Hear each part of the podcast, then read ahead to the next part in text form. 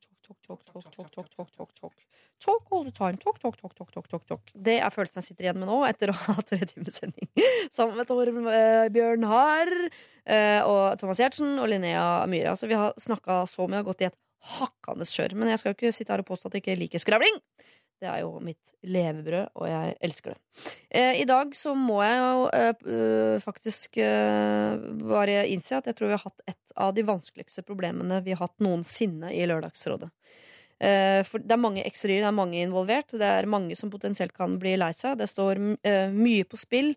Eh, men det er også en fare for at problemet egentlig ikke er stort, eh, men at man gjør det stort, og kanskje så var det bare lite i det hele tatt. Det er mange som har driti seg ut, og uh, det er mange som får lide uh, av dette problemet, og det er ingen gode løsninger. Det er mange løsninger, men ingen av de er spesielt gode, fordi det ikke fins en løsning der hvor alle blir fornøyd i andre enden. Åh, jeg, blir, jeg jeg, nesten så jeg har lyst til å, kalle inn til allmøte i eh, rådhuset, sånn at alle kan få lov til å, å synse og mene og rekke hånd i været og, og trykke på mentometerknapper og gå bananas på greiene her. For her, eh, her tror jeg det er vanskelig å komme til en enighet. Men vi klarte det vel så vidt i dag. Men jeg tror har vi diskutert det ti minutter lenger, så kanskje hadde havna et annet sted. Det handler om eh, timing, rett og slett. På et eller annet tidspunkt må man bare snurpe igjen sekken, gi en konklusjon. Om det er riktig konklusjon, jeg er usikker. Jeg har lyst til å snakke om det problemet i syv uker til. Heldigvis er det jo sommerferie, så det har jeg jo all mulighet til. Nemlig å diskutere det forts eh, problemet videre. Men jeg må ta med i tankene. Sikkert gøy for deg å diskutere, Siri, men for, dette, for andre så er dette problemet et stort og vondt problem som de går rundt og bærer på. Og de er nødt til å finne en eh, løsning. Shit, ass. Jeg syns skikkelig, skikkelig synd på en fire-fem stykker der. P3. Dette er Lørdagsrådet med Siri Kristiansen. På P3. P3. Jeg tenkte jeg skulle dele en liten historie med deg som skjedde meg eh, inneværende uke. Altså på tirsdag, ganske nøyaktig, sånn ca. klokken 12.30, så satte jeg meg ned eh, på en kafé, utekafé eh, her i Oslo. Nærmere bestemt Sagene. Sagene lunsjbar, som da jeg var barn og bodde på Sagene selv, så var det en ølbule. Det er nå pusset opp og blitt en riktig så trivelig utekafé. Og jeg er eh, av typen som Altså, jeg elsker å sitte alene og spise lunsj. Jeg syns ikke det er flaut å være alene verken på restaurant eller kafé eller noe som helst. Jeg elsker den tiden jeg kan sitte og pirke på tallerkenen, sjekke telefonen, kanskje tegne en liten krakk i designboka mi, og så kose meg virkelig helt sånn enormt på egen hånd. Så når jeg avbrytes av folk som vil skravle, folk jeg ikke kjenner, så merker jeg at det er eh, Jeg blir så norsk at det er helt eh, galt. Det er så ekstremt lite velkomment i mitt liv. Så da blir jeg eh, det jeg kaller for taximutt. Altså, jeg blir ikke slem, men jeg, jeg svarer så kort som over huvudet muliget. eh, for å, å på en måte få sagt ifra om at jeg hører at du snakker til meg. Jeg svarer fordi jeg er høflig og har en oppdragelse. Men jeg innbyr ikke til videre diskusjon. Eh, det var en dame som satte seg på bordet ved siden av meg. Så tenkte at vi må jo ha ekstremt mye til felles. Vi er på en kafé på samme dag, samme uke, samme tid. Og vi skal jammen spise også. Det er jo helt vilt. Vi må bli bestevenner. Eh, så hun tar av seg genseren og sier sånn Ja, nå er jo til og med varmt bare i singleten i dag. Så tenkte jeg «Øh, ja, sa jeg. Det var det eneste svaret jeg hadde på det. Ja. Og så snudde jeg meg tilbake og fortsatte å skrive i boken min. Og vanligvis så tar folk det hintet, blir flaue, kryper ned i Cæsar-salaten sin og, holder tystnad. Det gjorde ikke dette kvinnemennesket. Hun kjeftet på meg og sa sånn ikke, Hun så ikke på meg, satt og sa det rett ut i lufta. Vi satt altså med, eh, med ryggen til hverandre og sa sånn Ja, ja. Nei, så jeg prøvde bare å være hyggelig. jeg. Vet ikke om du hørte engang. Du har ikke tenkt å svare, nei. Jeg ga deg faktisk et kompliment, men nei da. Nei, nå er vi i Norge, så her skulle vi ikke Altså, hun tuta på og, og kjeftet og kjeftet liksom, på meg som satt der og, og prøvde å, å drukne inn i min egen kropp. Hvorpå jeg til slutt snur meg halvveis og sier sånn Jeg svarte faktisk på spørsmålet ditt. Og så ble jeg stille et sekund, sa hun Å ja. ja. Og så ble hun helt stille. Men jeg klarte allikevel ikke å kose meg da resten av lunsjen. For jeg visste at hun satt og tenkte på meg, og jeg satt og tenkte på henne. Og da tenkte jeg da kunne vi jo nesten like greit ha prata sammen. Og så angret jeg litt på at jeg er så norsk. At jeg jo tenker at folk som snakker med meg på bussen, er gærne, selv om jeg ikke vet det. Uh, selv om jeg vet at ikke det er det. Noen ganger så misunner jeg det amerikanske levesettet hvor folk uh, nettopp tenker at det man sitter ved siden av hverandre på kafé eller buss, eller hva det er, er en perfekt anledning for å bli sendt med nye mennesker, utvide horisontene sine, skravle litt.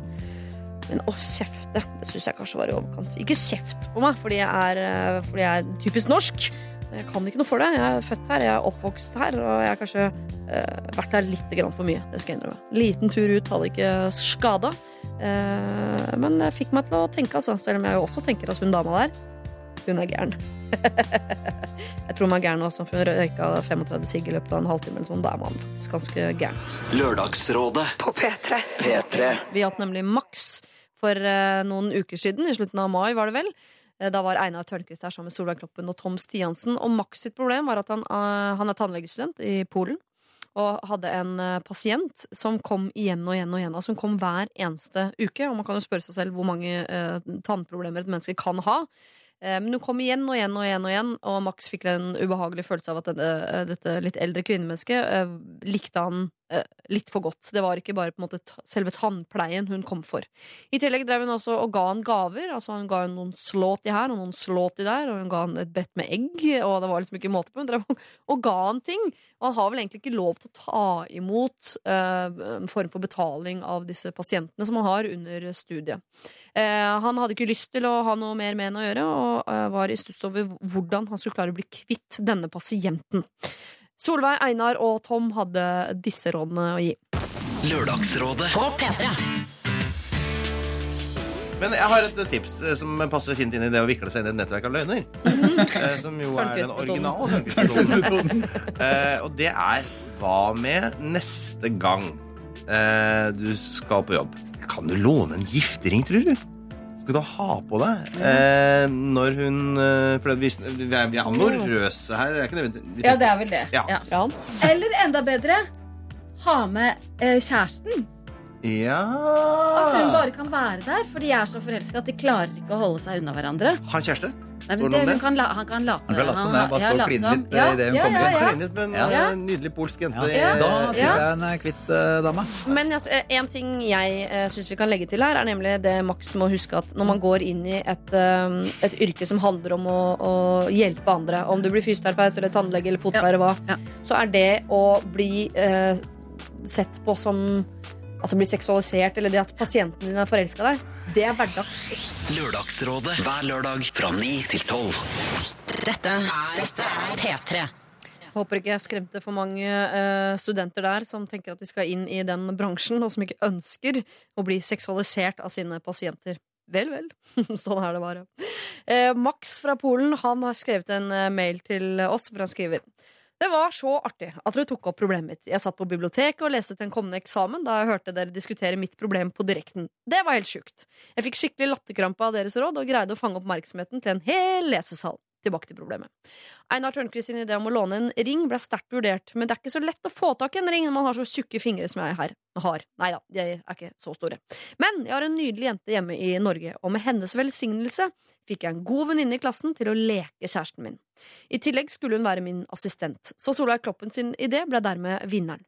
Den gamle dama møtte opp til tannlegetimen sin med sjokolade, blomster og et stort smil. Men da han satte seg i tannlegestolen, kom veilederen min og ba meg heller jobbe på en annen avdeling, siden jeg hadde fått en pasient med et problem jeg har stor interesse for. Det endte med at venninnen min fikset tennene hennes, tok imot blomstene og sjokoladen på mine vegne etter endt arbeid og utga seg for å være min kjæreste.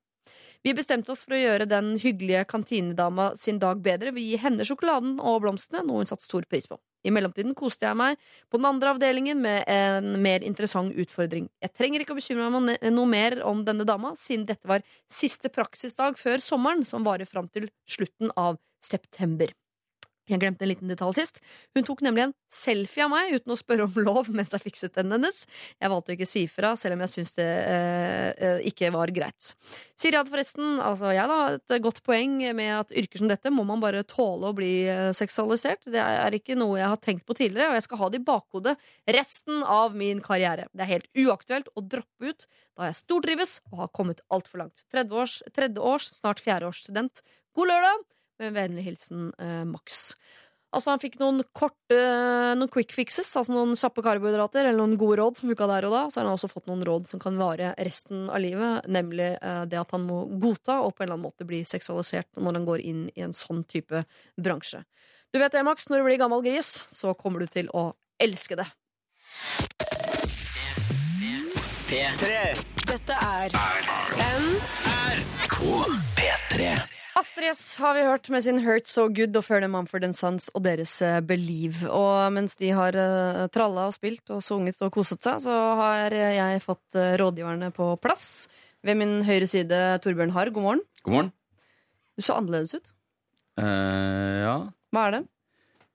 Nei, det er Har du vært i sola? Du har blitt, altså, ja, det dette er din brunfarge? Brun, altså, øverste delen av ansiktet er blitt brunere. Ja. Nederste har fått mer uh, hår tilbake. Ja. Er det det?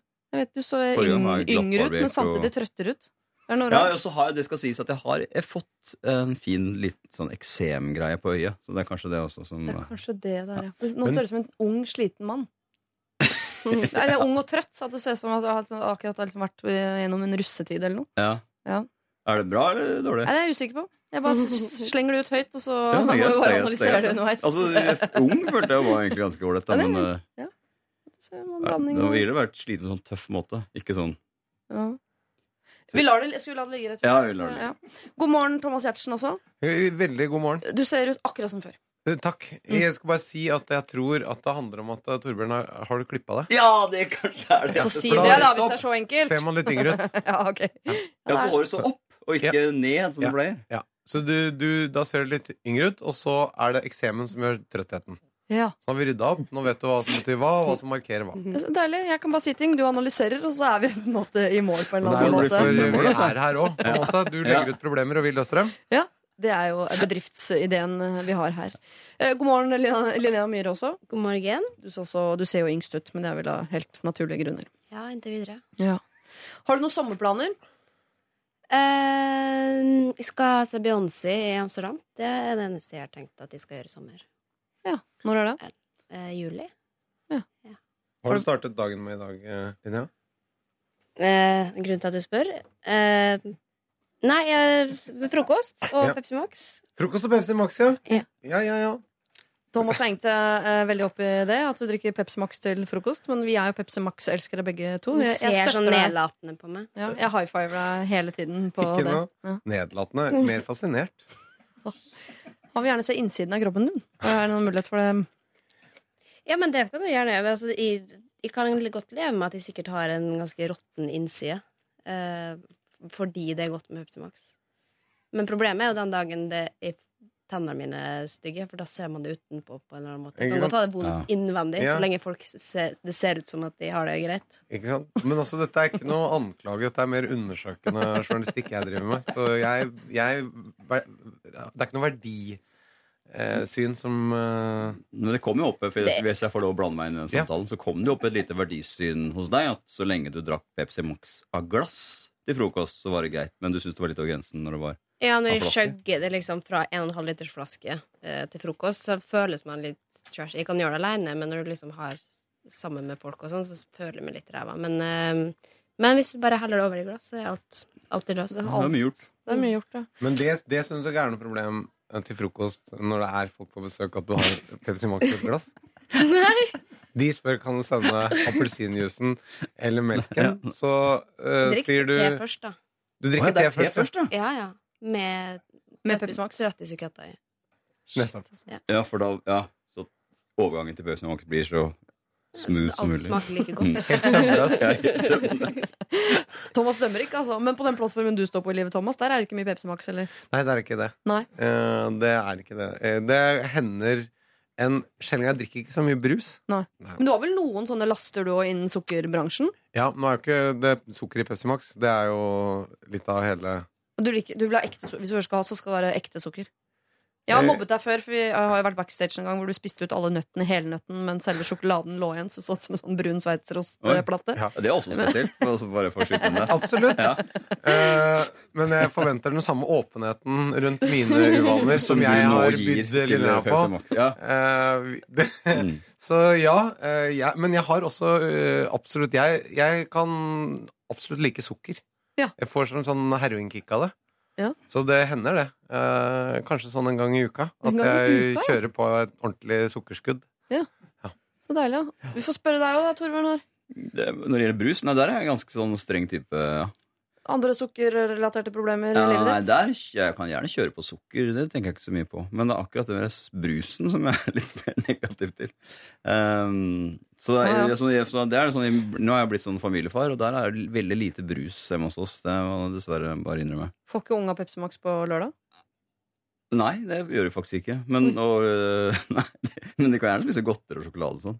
Shit. Og For det er så mye bedre. Ja. Nei, det er ikke bare bedre. Jeg vet ikke bare hva det er. Mine Nei, det er vel bare antall uvaner man skal videreformidle da, fra en generasjon til en annen. Der er vi litt trashy. Vi er en sånn familie som reiser over svenskegrensa ofte nok til at barna fredag, lørdag og søndag får hver sin egen boks med Pepsi Max til middagen. Så vi er en sånn som henter deg i boden fra sånne brett. For der har dere det lagra opp, ja. Ja, ja, Så hvis- bilen ligger sånn lavt over Bilen Men. Ja, det er Hvis jeg fikk velge familie her, da, så ville jeg hatt, eh, vært en del av Siris familie. Det Det høres så er mye det. hyggeligere ut enn å bli nekta Pepsi Max på en lørdag. selvfølgelig er det mye hyggeligere. Ja. Men eh, kan du blir føle- Men kunne du du tenke råtten inne i deg, tenk deg en tilværelse der du ikke tenker på at du har lyst på Pepsi Max? Hvordan tenker du det? Ja, men det, det vet jeg ingenting om. Jeg har prøvd, det skal, skal nevnes, men da gikk, fikk jeg sammenbrudd etter tre dager. Så det er Du det prøvde ikke, å rett og slett Jeg prøvde å slutte, slutte, men, men det er jo kjemiske ting også. Det er jo avhengighetsskapende. Så det er jo ikke bare det å bestemme seg for å slutte. Nei, nei, nei, det vet jeg. Men jeg tenkte, nei, nå tenkte jeg mer at du ikke tenkte på at du hadde lyst på det. Så det var ikke det å Ja. prøve å holde seg unna når man tenker på det hele tiden. Det var mer å tenke at jeg har en tilværelse hvor jeg ikke føler på det behovet. Skjønner du hva jeg mener? Pepsi Max Ja, er- eksisterer ikke i livet mitt. Det er ikke, det er ikke et tema. Jeg har ikke røyksug, for eksempel. Ja. Jeg har ikke Pepsi Max-sug. Nei, det er sikkert fint, det også. Men eh, det, det er ikke for meg. Nei. Om du fjerner hjernen min, som allerede har registrert at det er godt. Det tror jeg ikke, Da må du lobotomere meg. Nei, men det er jo egentlig ikke så godt heller, men det er bare godt sammen med noe. Med Ja. mat. Jeg kan ikke drikke det aleine. Hva slags, Hva er favorittpålegget til Pepsi Max? Leverpostei. Leverpostei og Pepsi Max. men, Men, men, men, uh, Har du noe på den leverposteien, eller? Ja, rødbeter. Rødbeter, ja. Det er ganske godt. Jeg skjønner at dette tar, en, eh, dette tar en retning nå. Dette er det vi driver med Vanligvis så liker jeg å vite om sivil status og hobby, om dere er konfliktsky, jeg har tenkt på litt sånn sommerplaner og sånn. Jeg lar det ligge. Nå vet jeg masse om holdningen deres til Pepsi Max og andre sukkerinnholdige eh, ting. Godt. Så vi bare lar det være grunnlaget for hvem dere er som rådgivere nå fram mot klokken tolv. Vi skal straks løse et eh, problem, men først eh, Gabriel Rios. Dette her er eh, Gold.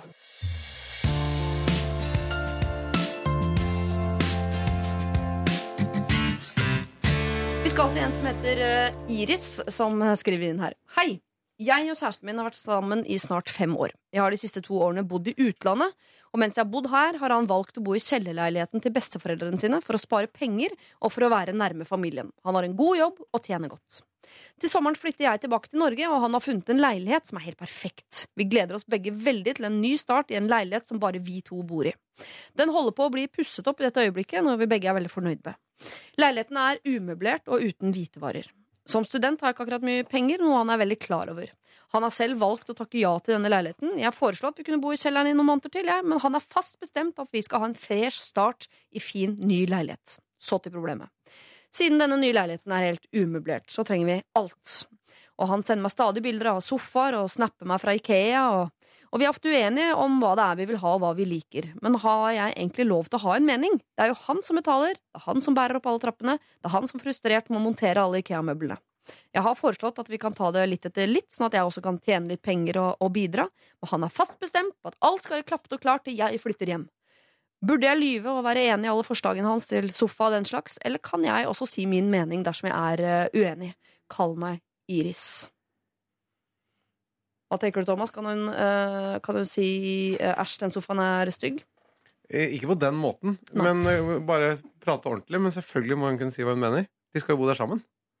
Ja, men det er han som betaler. Ja, men det Her skiller Dette er jo det som er forskjellen på jobb, forretning og parforhold. Mm. Her må man bli enige om det sammen. Det må, man finne frem til noe som fungerer for begge i det hjemmet. Eh, men eh, Så ja, det er, det selvsagt. Selv om han betaler. Hun har tilbudt seg å skal betale inn senere. Ja. Hadde du vært komfortabel med det, Linnea? Hvis du skulle eh, kjøpe sofa til leiligheten, så kom det en og begynte å synse om en om hvor stygg den var? Altså, personlig så har jeg syntes det har vært kjempedeilig at noen bare tok seg av det, for jeg er veldig uinteressert i den slags. Men, eh, men hvis hun faktisk er interessert og har lyst til å ha en, en, et ord med i spillet, så har jo full rett til det. Og det vil jo tro at han også har lyst til at hun skal blande seg. Det er jo deres felles leilighet, selv om han betaler for det. Ikke, forskjellen er bare hvis det bank i bordet skulle bli slutt, så får han det, liksom. Og da Det er men- kanskje like greit at sofaen er stygg, tenker jeg. Det... Nei, men, men, men Hvorfor skal man sitte i en stygg sofa? da? Man, hvis den er stygg, så er det lov å si det. Eller at det kan vi ikke se et annet, et annet, et annet sted. Men hvis han er interessert i å få det til, så er det jo ingenting som er bedre enn det. En mann som har lyst til å, å få ting gjort sånn hjemme, ja, på hjemmebane. Det er jo ingenting som er bedre enn det. Men risikoen her er at eh, Iris blir sittende i en leilighet full av svart skinnsofa og glassbord, for det er jo eh, ofte det menn ender opp med når de handler alene på Ja, det Ikea og den slag. Ja, det, er, det er selvfølgelig en øh, Men jeg er helt enig at hun må si fra. Men hun må jo velge sine kamper, da. At det er jo greit å la det gå hvis han har kjøpt, vil kjøpe inn en oppvaskmaskin eller en vaskemaskin som skal stå på badet. Liksom. Men, men de kampene som hun syns Den sofaen liksom, er jo viktig at man er sammen om. Ja. Um, Men altså, det er det jeg mener, for I en jobbsammenheng så er det klart Da kan du ikke bare sitte og ikke bidra og kreve masse. Det går ikke. Men dette er jo ikke det. Sånn at her er det selvfølgelig eh, Så må man bli enige om det. Hun må selvfølgelig ikke sitte og være negativ og sur og tverr og prinsessen på erten, liksom. Det er jo ikke det jeg sier. Men man må bli enige om det. Det må være en slags en eller annen sånn ca. 50-50 enighet om hva det er. Hvis, hvis, hvis, du ikke, hvis han liker veldig godt den, og hun liker veldig godt den, så får vi finne en tredje, da. Nei, det, det er ikke sånn. ja, virker det som han, Har hvis, tredjepart? hvis han driver og mal, altså det virker som det er nesten litt negativ mye masing og, og ting han sender til henne. Så han er jo interessert at hun skal melde tilbake hva hun sier. Altså, han ikke- kunne bare ha kjøpt det og kunne satt bare det kjøpt og ferdig med den saken. Jeg vet, og det vi- vi- viktigste av alt, han må jo få kjemperos for at hun uh, slipper å flytte til en sånn gammel hybel under bestemor.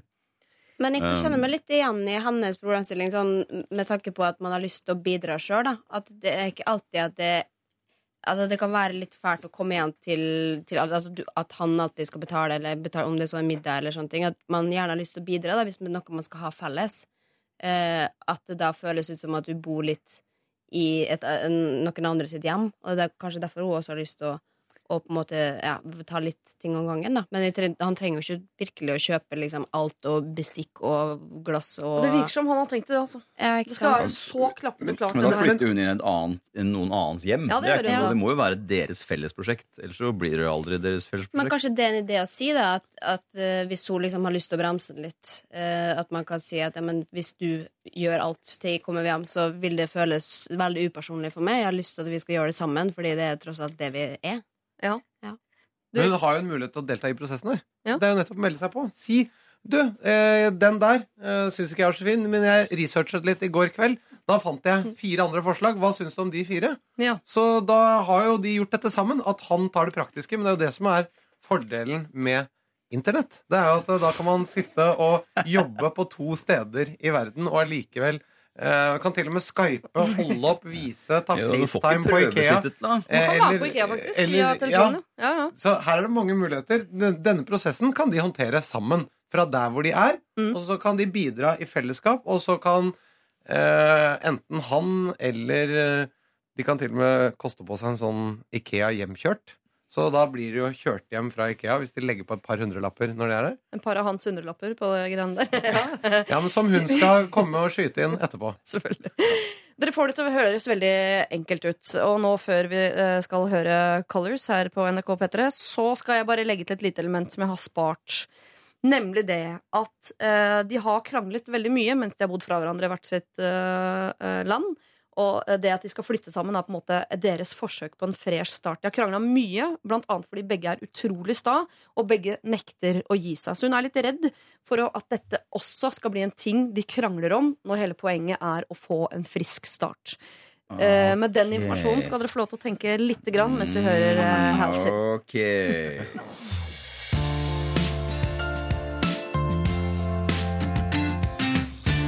Skal hun sette seg på bakbeina over en stygg sofa? eh, tenker du det, Torbjørn? Nei, her lurer jeg på Det er ikke bare det at hun er redd for den møbelen. Her er hun redd for, hun er redd for å dra tilbake til det forholdet. Det leser jeg litt. Ja. Det blir en, hun må finne ut om det er en unnskyldning, det der møbelgreiene. Om det er en unnskyldning for å, at hun ikke egentlig vil inn. Um, fordi at uh, de møblene klarer å løse, men det, Du ble skeptisk til hele forholdet, du, da? jeg ble skeptisk. Ja, jeg ble skrevet. Men det er Kanskje bedre at de får seg en skinnsofa enn at de får seg en baby, for eksempel, som andre bruker som en frisk Ja, start. Det er veldig mye bedre å teste ut på en skinnsofa, om det holder, enn om en liten baby holder. Men kan det være, ligge noe i at han- han har lyst til å innrede dette her eh, den leiligheten alene fordi i tilfelle det blir slutt? Så sitter han med en ungkarsleilighet han kan bruke til Ja, Som han er dritfornøyd med, som ikke hun har hatt noe påvirkning på?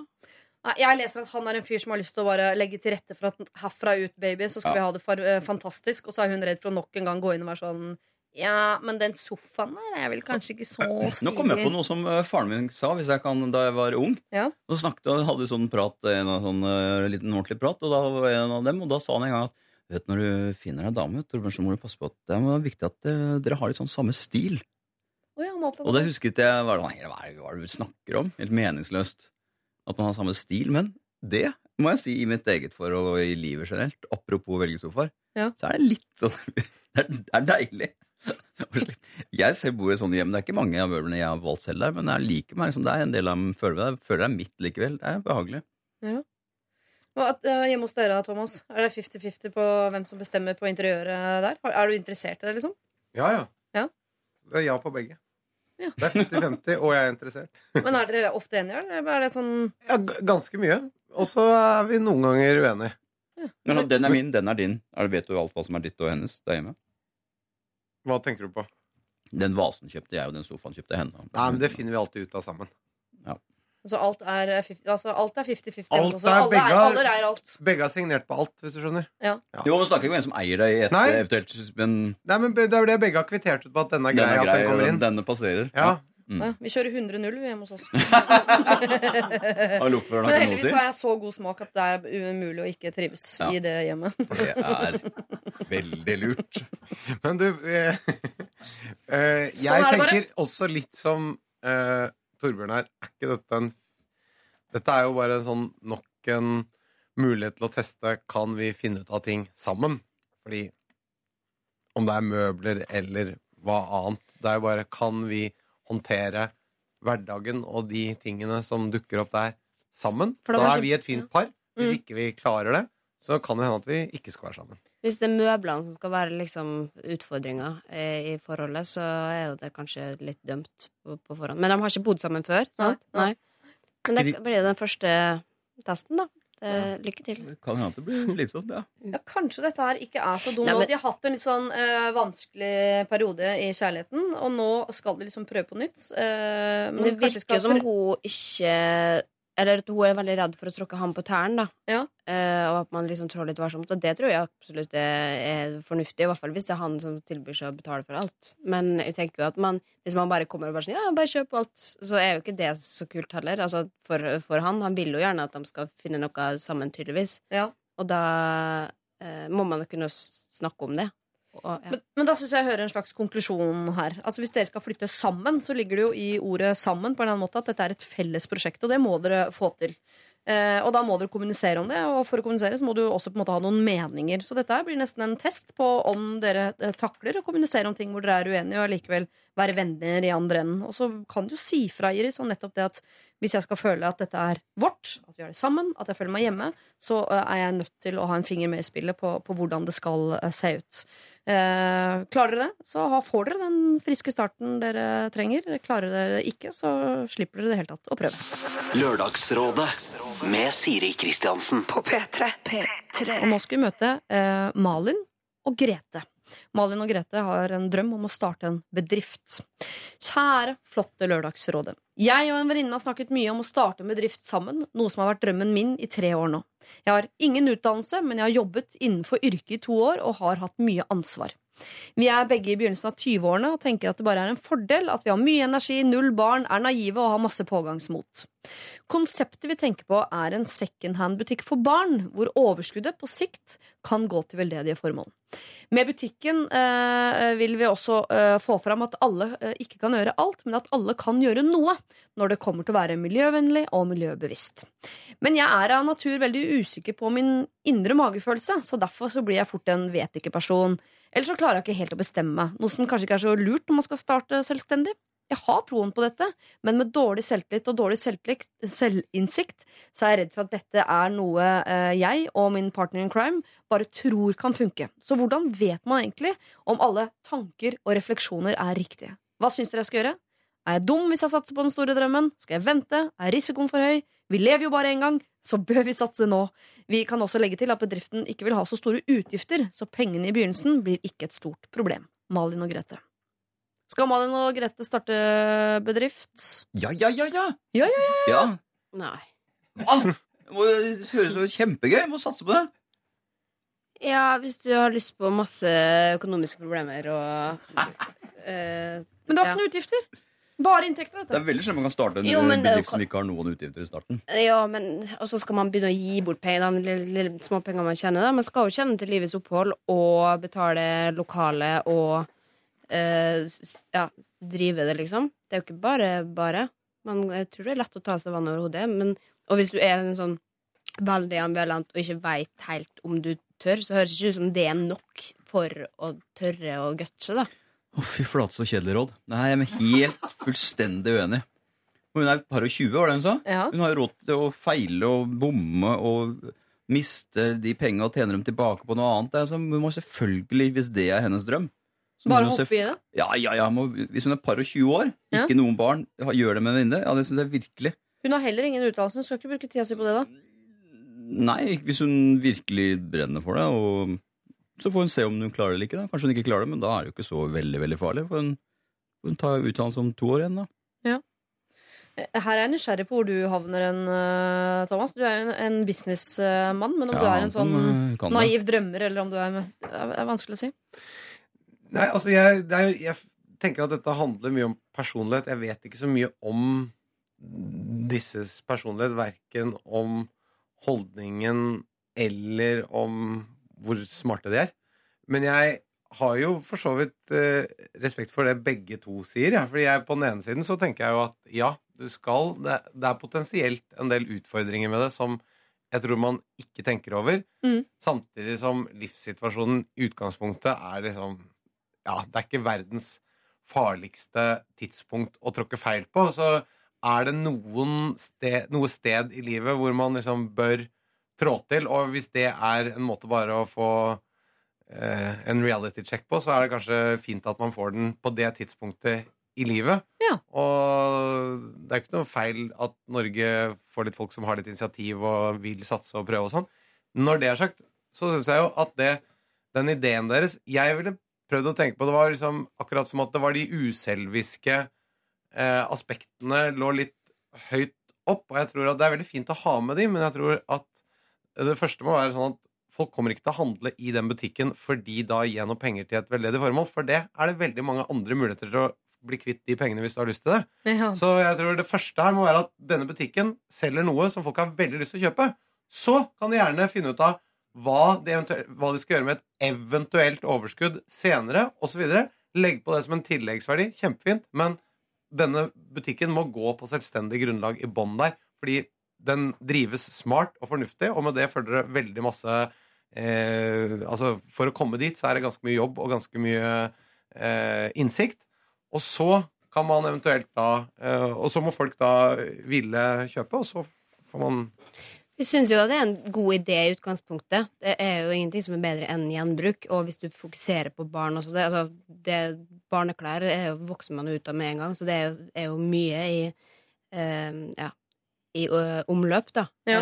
Um, så hvis det liksom, og hvis det er litt sånn lite sted, og sånn, og man får litt ja, omtale, og sånn, så tror jeg at det kan være liksom, et godt utgangspunkt. Og det er jo sikkert derfor de også har lyst til å, å satse på det. Men da skal du tro 100% altså, hvis du har lyst til å, å få det til. Jeg lurer på hva det, De har jobba innafor yrket i to år. Jeg ble bare sittende og lure på om de har jobba i barnebutikk eller om de har jobba med veldedighet jeg, i to år. Ble jeg veldig nysgjerrig på det her sitter. Men det vi, vet- det vi vet om det, er at de har mye energi. De har ikke barn. De er naive og har pågangsmot. Det vet vi om de. Det er det vi vet om de. Mm. Og de er unge. Og det naive kan være både pluss og minus. Ja, det kan være, Ja. akkurat si, det er både bra, det. Det kan være bra, men uh, nei. Men man skal jo ikke la være bare fordi det potensielt kanskje kan komme til å ikke gå bra. For det, Nei, da får man ikke den gjort mye. risikoen hadde jo vært der om de så var to menn på 40 med masse kapital. Kunne fortsatt Og så kanskje lærer seg å kjenne på den der er det, kanskje dette er, for det er jo et problem i livet hvis du Jeg er jo veldig sånn magefølelsetype at jeg tror det er viktig å virkelig kjenne på den og se hva det egentlig du vil. Den forteller deg mye. Så den kan, dette er en måte å teste ut sin egen magefølelse på. Da. Er det Din magefølelse var jo ja, ja, ja, kom igjen, Nei, kjør på, min kjør på, magefølelse er bare henne hvis hun sitter sånn jeg har, en, jeg har en drøm Jeg treffer utrolig mange som sier sånn åh, jeg hadde jo sånn drøm om å gjøre det og det og sånn. Så tenker jeg herregud, hvorfor gjorde du det? Bare gjør det. Liksom. Ja. Det er jo det verste som fins, er å sitte der som tenker ja, ja, jeg skulle gjort det. Men selvfølgelig, det er jo mye Eller altså, jeg vil jo råde dem til å gjøre det hvis det er liksom veldig lite sannsynlighet for at de kan tape mye penger. Da. Men hvis det har vært masse, mange hundre tusen på spill, så tenker jeg jo at da vil jeg vegre vegra meg ekstra for det. Men hvis det er liksom lave kostnader og alt mulig sånn, så så er det jo kanskje litt mer fristende, men da må man vite det 100 på forhånd og ha satt seg inn i hvor mye arbeid det faktisk er. Ja. Men du, jeg bare for å si holdningen her På generelt øh, nivå så er jeg helt enig. Men jeg må bare si sånn helt konkret til den ideen. Det er litt skeptisk. Hvorfor det? Nei, jeg er ikke overbevist. Er øh, det å s s selge Det var bare fordi du kjøper nye ting. Nei, men hvor du- mye koster det å kjøpe Hvor mye koster det å kjøpe bruk, nye barneklær på Hense Maurits? Er du klar over hvor du billig det skal er? slutte, å- det jo- du skal slutte å kjøpe Hennes og Maurits nå. Ja, men, men hvorfor?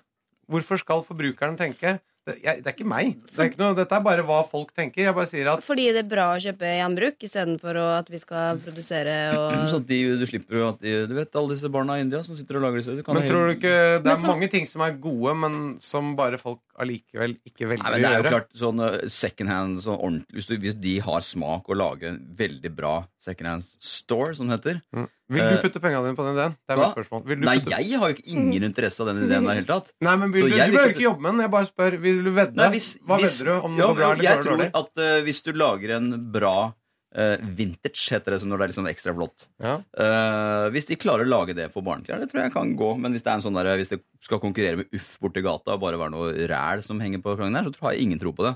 Så de må ha smak, de må vite hva de ja, driver Det var det jeg trodde det skulle være. At det skulle bare være alt Nei, de må lage noe som en, en butikk som selger litt ordentlige tøffe klær for barn. Det tror jeg kan gå kjempebra. Ja, Men- da må det være nettopp da, Men da, skal, da koster det ganske mye penger. Da. Eller da må det kreve noe research eller en eller annen måte å finne frem til spesielle, unike, veldig kule barneklær. Ja, det må Som gjøre. da ikke koster så mye penger, fordi du har Uff, Finn, billige klær på Hennes og Maurits eller på Cubus eller hva det måtte være. Det, barneklær er ganske tilgjengelig, og det er ganske mye Du får en del av eh, tanten og kusinen din også når du får barn. ja, og du har ofte familie eller venner som du får av. Sånn at eh, eh, det det er ikke liksom Det er ikke en vare som er sånn helt umulig å få tak i til en lav pris. Bare, så, bare for å starte der. For tilbud og etterspørsel er jo liksom greit å bare sjekke på. De er vel litt avhengig av at det er en, eh, en kundegruppe som er veldig veldig opptatt av, miljøvennlig og, miljø, og er miljøbevisst nok til at de liksom hopper av det derre Jeg bare vet at når jeg kjøper klær til barna, så er det sånn Det er fredag ettermiddag, eh, Signe har ikke tights. Eh, da stikker jeg på nærmeste butikk, som er Lindex på Mosseporten, og så kjøper jeg tights til 79,90 per stykk. Jeg har ikke tid til å være miljøvennlig eller miljøbevisst eller søke opp Malin og Grete og den artige lille vintage-sjappa eh, som de har gående i Drøbak sentrum, eller hvor det nå måtte være. Nei, det er kanskje også et poeng for dem som ikke har barn og ikke har tenkt å skaffe seg det heller på en stund, sikkert. Så, så er det ikke liksom alle mødre har ikke god tid til å gå og shoppe og finne skatter i en vintagebutikk for barn, liksom. Nei, sjeldent. Veldig sjeldent. Uff, nå eh, river vi den deres fra hverandre, Ja, hvis Malin og de- Grete. ja, det, ja, ja, men hvis de har smak og guts og vet hva de driver med, så, så må de jo jeg mener at det- Da ville jeg heller gjort det til en online-butikk, kanskje. Ja, At, ja, eh, kanskje. og det kan ja. hende at det er det de tenker på, siden de har ingen utgifter. Så kan det hende at det er en online-bedrift det er snakk om her. Det vet jeg ikke.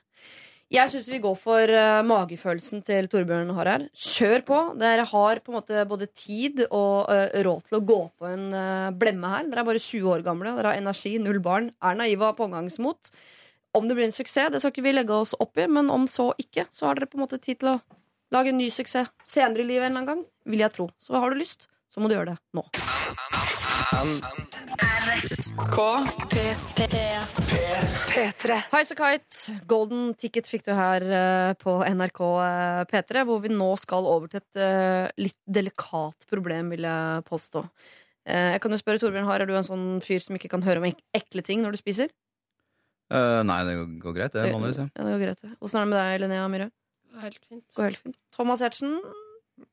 Det kommer litt an på. Ja, ja, ikke sant. Det, det ante meg vel i eh, en eller annen grad. Her står det Hei, kjære Lørdagsrådet. Jeg har et lite issue med en av mine kollegaer som jeg ofte sitter med i lunsjen. Når hun er ferdig med å spise, så pleier hun ofte å dra fingrene gjennom håret, samle sammen en liten hårball og legge dem på fatet sitt, som da er tomt for mat. Men vi andre er jo ikke nødvendigvis ferdig med å spise, og enten eh, vi vil eller ikke, så ser vi denne lille brune dotten med hår som ligger på matfatet rett ved oss. Og det øker jo ikke akkurat matlysten. Jeg er ikke veldig prippen når det gjelder mat osv., men jeg merker at dette er veldig nære grensa for hva jeg syns er ok. Så hva skal vi gjøre? Eh, Kan vi eh, si fra på en ordentlig måte? At, eh, eller må vi bare passe på å ikke se på eh, fatet hennes? Hilsen hårsår. oi, oi, oi. Ble dere litt For- kvalme nå? eller? Jeg kom kom til å tenke på likevel, for jeg syns det med folk som legger tyggisen sin synlig på fatet mens man spiser, det syns jeg er kvalmt. Så jeg kan forestille meg liksom at det er litt samme greie. Men når, da pleier jeg å si fra, liksom, hvis det er noen jeg ikke kjenner så veldig godt. Og bare, kan, du, åh, kan du ta den inn i serviett eller et eller annet? Jeg bare blir kvalm av det. Og det Ja. syns jeg er fint å si fra om, da, istedenfor at de sitter der og Og det tenker jeg det må være lov der også, hvis hun gjør Men da det. sier du liksom. fra med en gang. Det har ikke ligget tyggis der hver eneste dag eh, sånn klokka 12.30. Og så på uke nummer 17 sier du sånn Den tyggisen smalt i livet. Nei, men, men eh, altså, den som gjør det, er jo sikkert ikke bevisst på det sjøl. På samme måte, så tror ikke han da reagerer ved å si 'Hvorfor har du ikke sagt det før?' Altså, Ja, eh, jeg tror det er bare å få det ut, bli ferdig med det. At, du- det handler nok mye om hvordan man, på hvilken måte man sier det, men at man bare gjør det til en sånn hverdagslig ting. At 'å, hår' i, Samme som noen syns føtter er ekle, liksom. Det er jo lov å, å ha, være forskjellig. Men, men er, er, det, er det sånn at hun bruker det håret ser jeg for meg som en slags serviett også? At de er blitt fettet av hva hun har spist, og så er det altså Er det sånn? At hun tørker seg i sitt eget Tørker hår. seg Og på vei til å trekke ut det håret? Eller er det, det, er, mye, det var mye jeg lurte på. Ved den der, det Bruker det som brylkrem. Bruker det som brylkrem. Ja, får flott sveis av det, kanskje. Men, ja, eh, ufrivillig eller frivillig, så er jo det et resultat også. ja, dette her, Jeg hadde ikke likt å sitte Det er rart at hun klarer å sitte At hun ikke sitter helt alene ved et eget bord. Altså hårkvinnen. Ja, løve- Hårkvinnen. Ja. Løvekvinnen. De er, det må jo absolutt eh, Jeg mener at da må man si fra, mener jeg veldig tydelig. Altså, tenker jeg, hvis det er sånn at de er kolleger. Men kanskje ikke når de sitter en gjeng rundt det bordet. Nei, Men at du tar det det vant igjen, ja. Det. Det, det- det jeg det blir jo en konfrontasjon istedenfor at man sier det bare litt enkelt.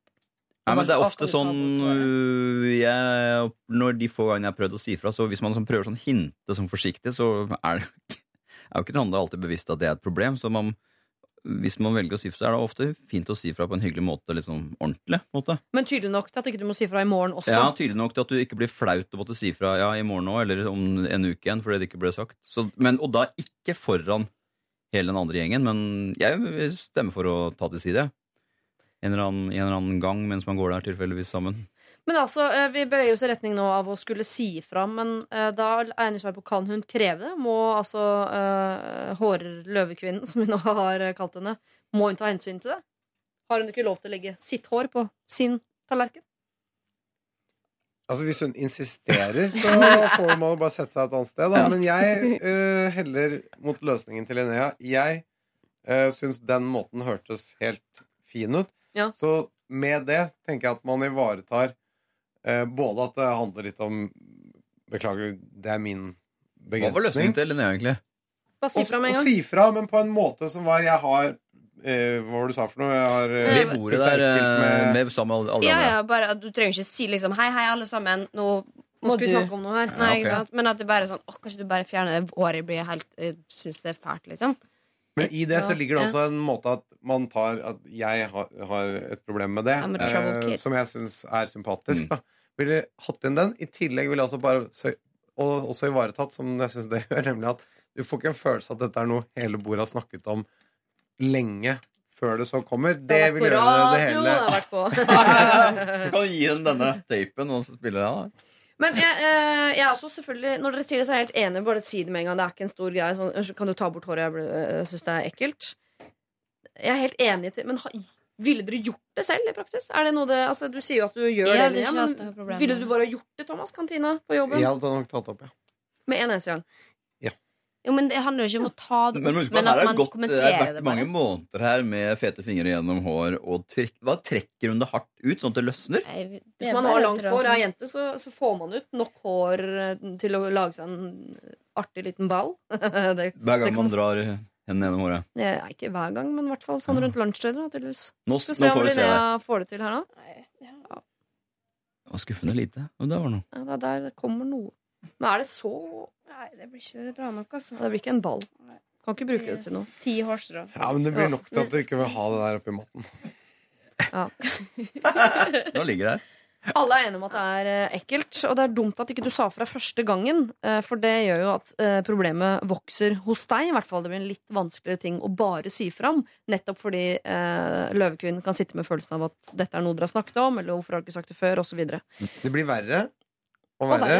Så hvis du har hørt om det å tisse i buksa for å holde varmen, det gir et greit bilde også på dette. Du tenker 'jeg sier ikke noe nå', og så blir det bare verre. Så blir det bare verre. Det blir verre og verre og verre og verre, og verre nå for hver eneste dag. Så jeg foreslår at du uh, i, ikke i morgen, da er det ikke lunsj, på mandag morgen si fra om dette, men pass på at dere er to, så ikke dette her blir en stor greie på jobb. Dette er Er P3. Vi skal til et problem, folkens, hvor eh, Har dere penn og papir? Oi, det Det er er ikke såpass. så mange ekstra y-er, men dette her Ok. er altså eh, Vi dette, dette er, Vi skal inn i et ganske vanskelig landskap, for å si det eh, pent. Kjære Lørdagsrådet. Jeg er en mann, kall meg Håkon, i midten av 20-åra, som har kommet i en svært uheldig og komplisert situasjon.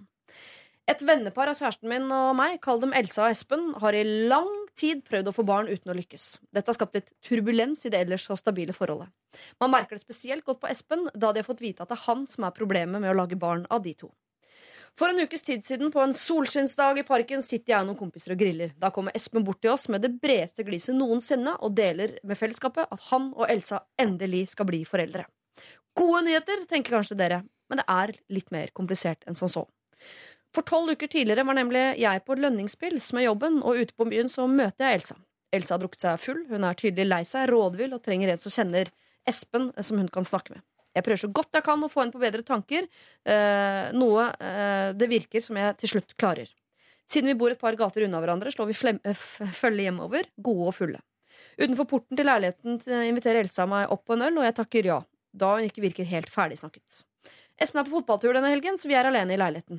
Idet vi skal avslutte den vennlige godnattklemmen, så kysser hun meg. Jeg trekker meg først unna, men siden jeg tidligere har vært betatt og fantasert litt om denne kvinnen, beordrer alkoholen meg til å fortsette. Uansett hvor galt jeg vet at det er, så går det hele veien, og vi ender opp med å ligge med hverandre. Etter at sexen er over og deler av promillen og er svettet bort, går det mer og mer opp for oss hvor stor denne tabben nettopp har begått, er. Vi ble enige om å aldri si dette. Ingen må få vite det, og det må glemmes. Dagene går, og jeg har det ikke så bra med meg selv. Tankene vandrer fram og tilbake, og jeg vurderer stadig å fortelle om denne tabben eh, til min kjæreste. Som om dette ikke var komplisert nok fra før, får jeg en melding av, El- eh, av eh, Elise der hun forteller at hun har blitt gravid, og at barnet mest sannsynligvis er mitt. Hun vil ikke at vi skal si det til noen. Så, skal jeg bli far? Skal ikke sønnen min få vite at det er jeg som er faren hans? Jeg syns situasjonen er helt forferdelig. Som om de gjorde den natten eh, ikke ille nok, så skal jeg i tillegg holde kjeft om at jeg skal bli pappa til et barn en av mine beste venner tror er sitt eget. Jeg er for så vidt enig i det Elise sier, men i tillegg mistenker at hun gjorde dette med vilje, bare for å få det barnet hun alltid ønsket seg. Så, kjære Lørdagsrådet, skal jeg fortelle om barnet til noen? Tanken eh, min akkurat nå er å ikke si det til noen, men eh, om to-tre år da, så finner jeg ut at det ikke fungerer å se sønnen min, og ikke, at han ikke vet at jeg er faren hans, så vil jeg kanskje angre på det, at jeg ikke fortalte det med en gang. Hilsen Håkon. Og så legger han til, Espen og han, Håkon, er svært ulike utseendemessig. Svært ulike. Ja, dette er Kjempegreier. Nå begynner vi å snakke. Mm. Oi, Vil, dere te vil dere tenke litt før vi eh, løser det? Altså, Nei, vi må du jo ligger til grunn at vi kommer til å løse det. Det kan jeg ikke love. Dette her tar to minutter, så er det løst. Det er ikke noe problem. Nei, men det kan, noen ganger så uh, er det deilig at ting siver uh, inn. Men første, liksom, første hunch, magefølelse, sier den si det eller ikke si det? Jeg tenker at det går ikke an å ikke si det. på- Eller altså det, når, når man på en måte det ikke har skjedd ennå, så er det kanskje tenker jeg at ja, det går fint. Og sånn. Men jeg tror nok at når man på en måte det, et barn blir reelt, og at man ser det vokse opp, på noen, så du veit at du er ditt, jeg tror ikke det går. jeg, Altså. Nei, det tror jeg jeg også sier hvis de er- skal være gode venner og henge sammen og Og det er bedre å si det nå enn om tre år. Jenta er, er min. Er Og plutselig Nei, det, det, kommer, det, det kommer til å komme opp på, tror jeg. Til slutt en eller annen gang. Om det så er på dødsleiet, så er det liksom Men er det ikke Det er for seint å, altså, å ta abort uansett, ikke sant? Så det kommer jo til å Det er hun Ja, det vet bestemmer ikke, men det tror jeg ikke hun er fysen på. Tolv uker, Mm. tre måneder I, i, i, Ja, tolv uker senere, var det det? Ja. Ja, da begynner det å nærme oss, ja. Jeg husker ikke regelen for det der. Om det er 12 eller Er det 14, 16, 18. Nei, 16? 18? Ja. Nei, jeg vet ikke. Er det ikke tolv, da? Jeg 12, trodde ja. på Det er 12, ja. Altså, jeg trodde det. Ja, Ja, det er du som kan det. Da er det Altså, tolv godt. Ja, jeg hadde ikke Altså, jeg tenker at det er helt umulig å, å la være å si det i, i det lange løp, så jeg ville heller sagt det nå, når, når man enda kan gjøre noe. Det kommer jo til å bli rabalder uansett. For han er et forhold, ikke sant? Mm. Uh, og har de barn, eller? Nei, det tror jeg ikke. Da hadde han nevnt det. Så det er hans første barn òg, ja. Ja, ja. Det første, det som du er Hmm. ordentlig glad i. ja. Det eneste som betyr noe. det som betyr noe Ja. sånn til syvende og sist. Hva sier magefølelsen din, eh, Thomas? Si noe eller ikke si noe? Nei, magefølelsen sier at du må si det. Du må si det. Ja. Men jeg har ikke Jeg har ikke tenkt ferdig på dette, så det var da å presisere at det er magefølelsen. Så Håkon, magefølelsen til alle her nå eh, er at du må si det. Når du skal si det, hvem du skal si det til, hvilken rekkefølge og hvordan du skal si det. Det er, har vi ikke noe magefølelse på. Det skal vi tenke på uh, lite grann. Så kommer vi tilbake eh, med det. Forhåpentligvis har vi noe fornuftig å komme med etter at uh, Lalie har sunget sin. Bara for være med skjelv.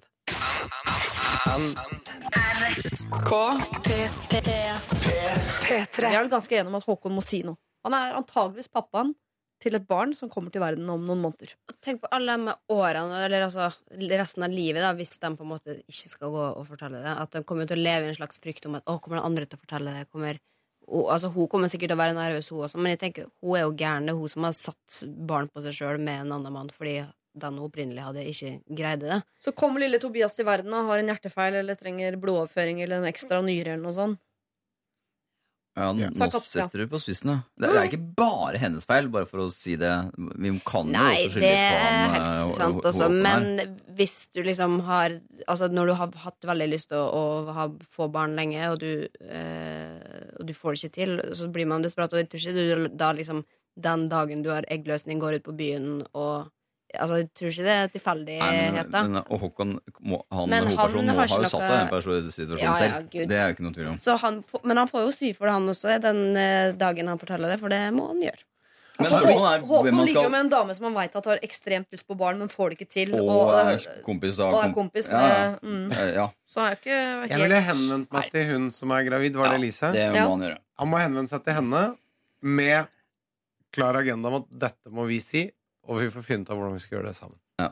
Det ville jeg gjort. For, fordi at uh, han må jo da finne Han må jo selvfølgelig vite at det er uh, hans barn Eller det kan han ikke vite, men uh, Er ja, ikke det, greit er å finne ut av det aller først? Gå til henne, finne ut av det. La oss få finne ut av hva er realiteten er liksom, er, Er det mitt barn? Hvis det er det, så får vi prate om det sammen, eller vi får finne ut av hvem Men kan man finne ut av det før det Nei, det barnet er tror jeg er født? vanskelig.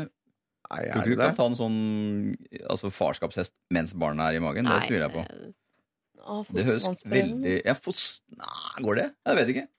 Sjekk det på det Google. var, ja, men det kan jo hende at hun ikke har lyst til å gjøre det lov til å vente til uh, Nei, de Nei. har jo Tobias Men uansett, ut for å se så dette liksom? kom jo de, de har ikke vært Uansett om det ble barn eller ikke, så er det en litt kinkig situasjon uansett. De har begge kjærester på hver sin side, så det er ikke noen sånn hyggelig prat å ta eh, selv om ikke barna hans. Så Det er jo Nei, men jeg tror jeg kunne skrevet under på eh, det passet hvor det står 'vi dropper å fortelle det til noen'. Hvis ikke det var det at det Barnet ble kom, ja. barn ut av det. Ja, ja, Ja, det, er- det, det er greit, men Nei.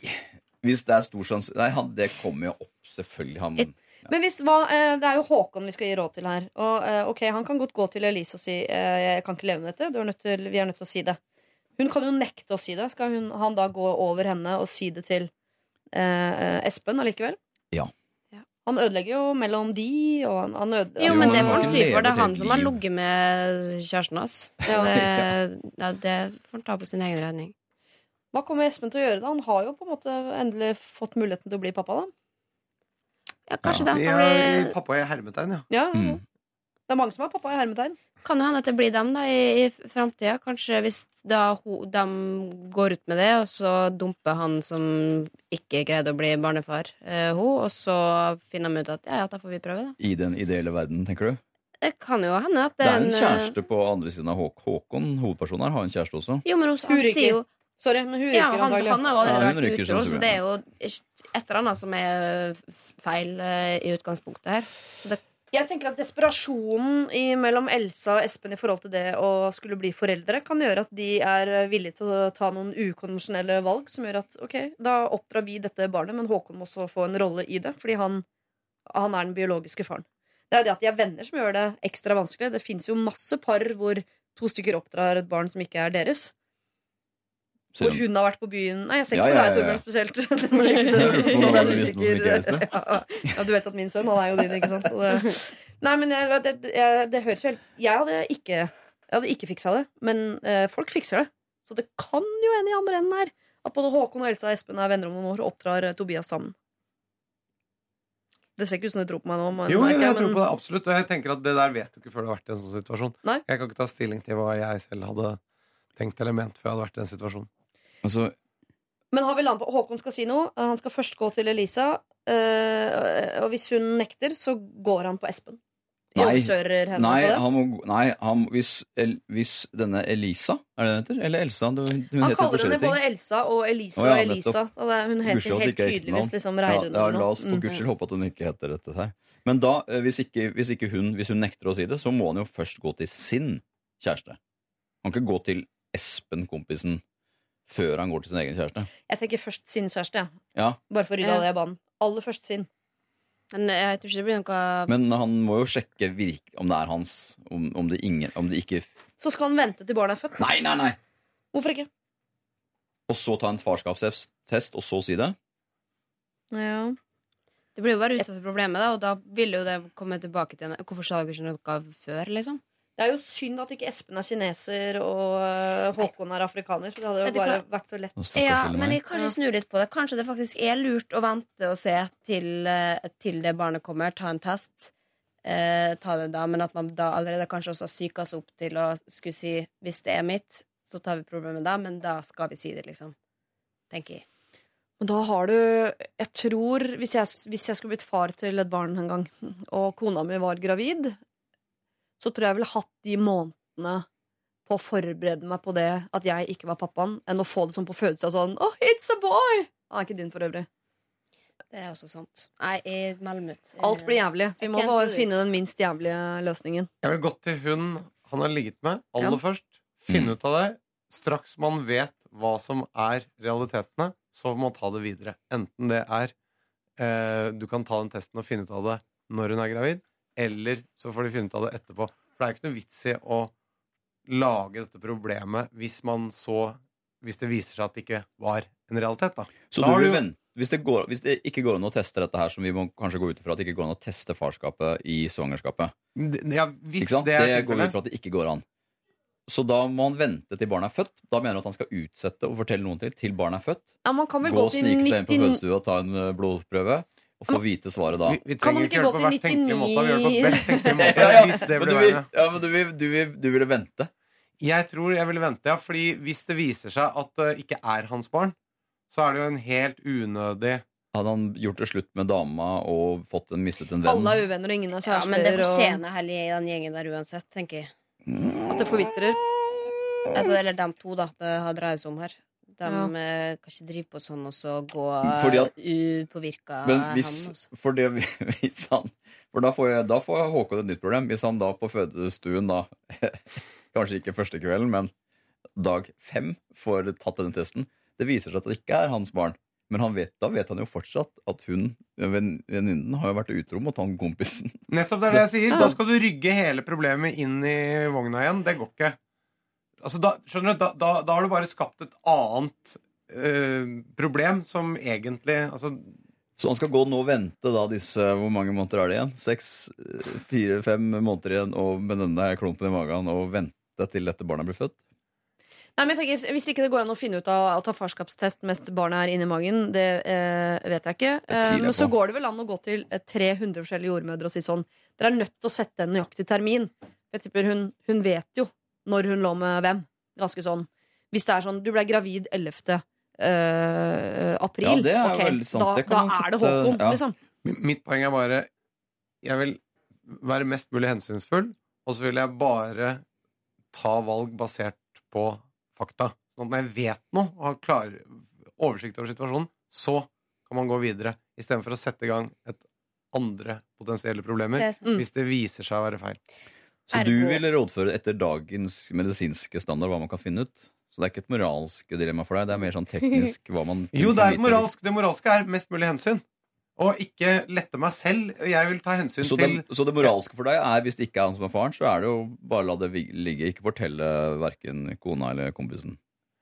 Hvi- Hvis det er Det kan godt hende du Da får du ta Men da er det du skal vurdere, er om du skal fortelle Du, jeg har vært du- utro ja. mot uh, Jeg har vært utro med din kjæreste, Mm. men jeg trenger ikke å la han gå i seks måneder og i tillegg tro at han ikke er far til det barnet som det viser seg at han er far til. Da har jeg ikke minimert skaden. Da har jeg påført han Da har jeg både eh, ligget med kona hans og skapt et ubehag for han i seks måneder. Det vil jeg ikke. Ja, for det er, det er sant. Hvis det er en mulighet for at han kompisen kan være faren. Ja. Det er en liten mikroskop, for det er, det er, øh, denne, disse frøene hans er ikke helt totalt ødelagt. Nei, svømmer sikkert feil vei, eller De er bare eller veldig lite svømmedyktige. Ja, ja. Dette var et veldig godt innspill. Det Han må man jo ta hensyn til. steril. Altså, da hadde Da, Nei, da hadde det er klart. Han er ikke steril. han kan De ikke komme sliter. Du, sannsynligvis er det barnet mitt.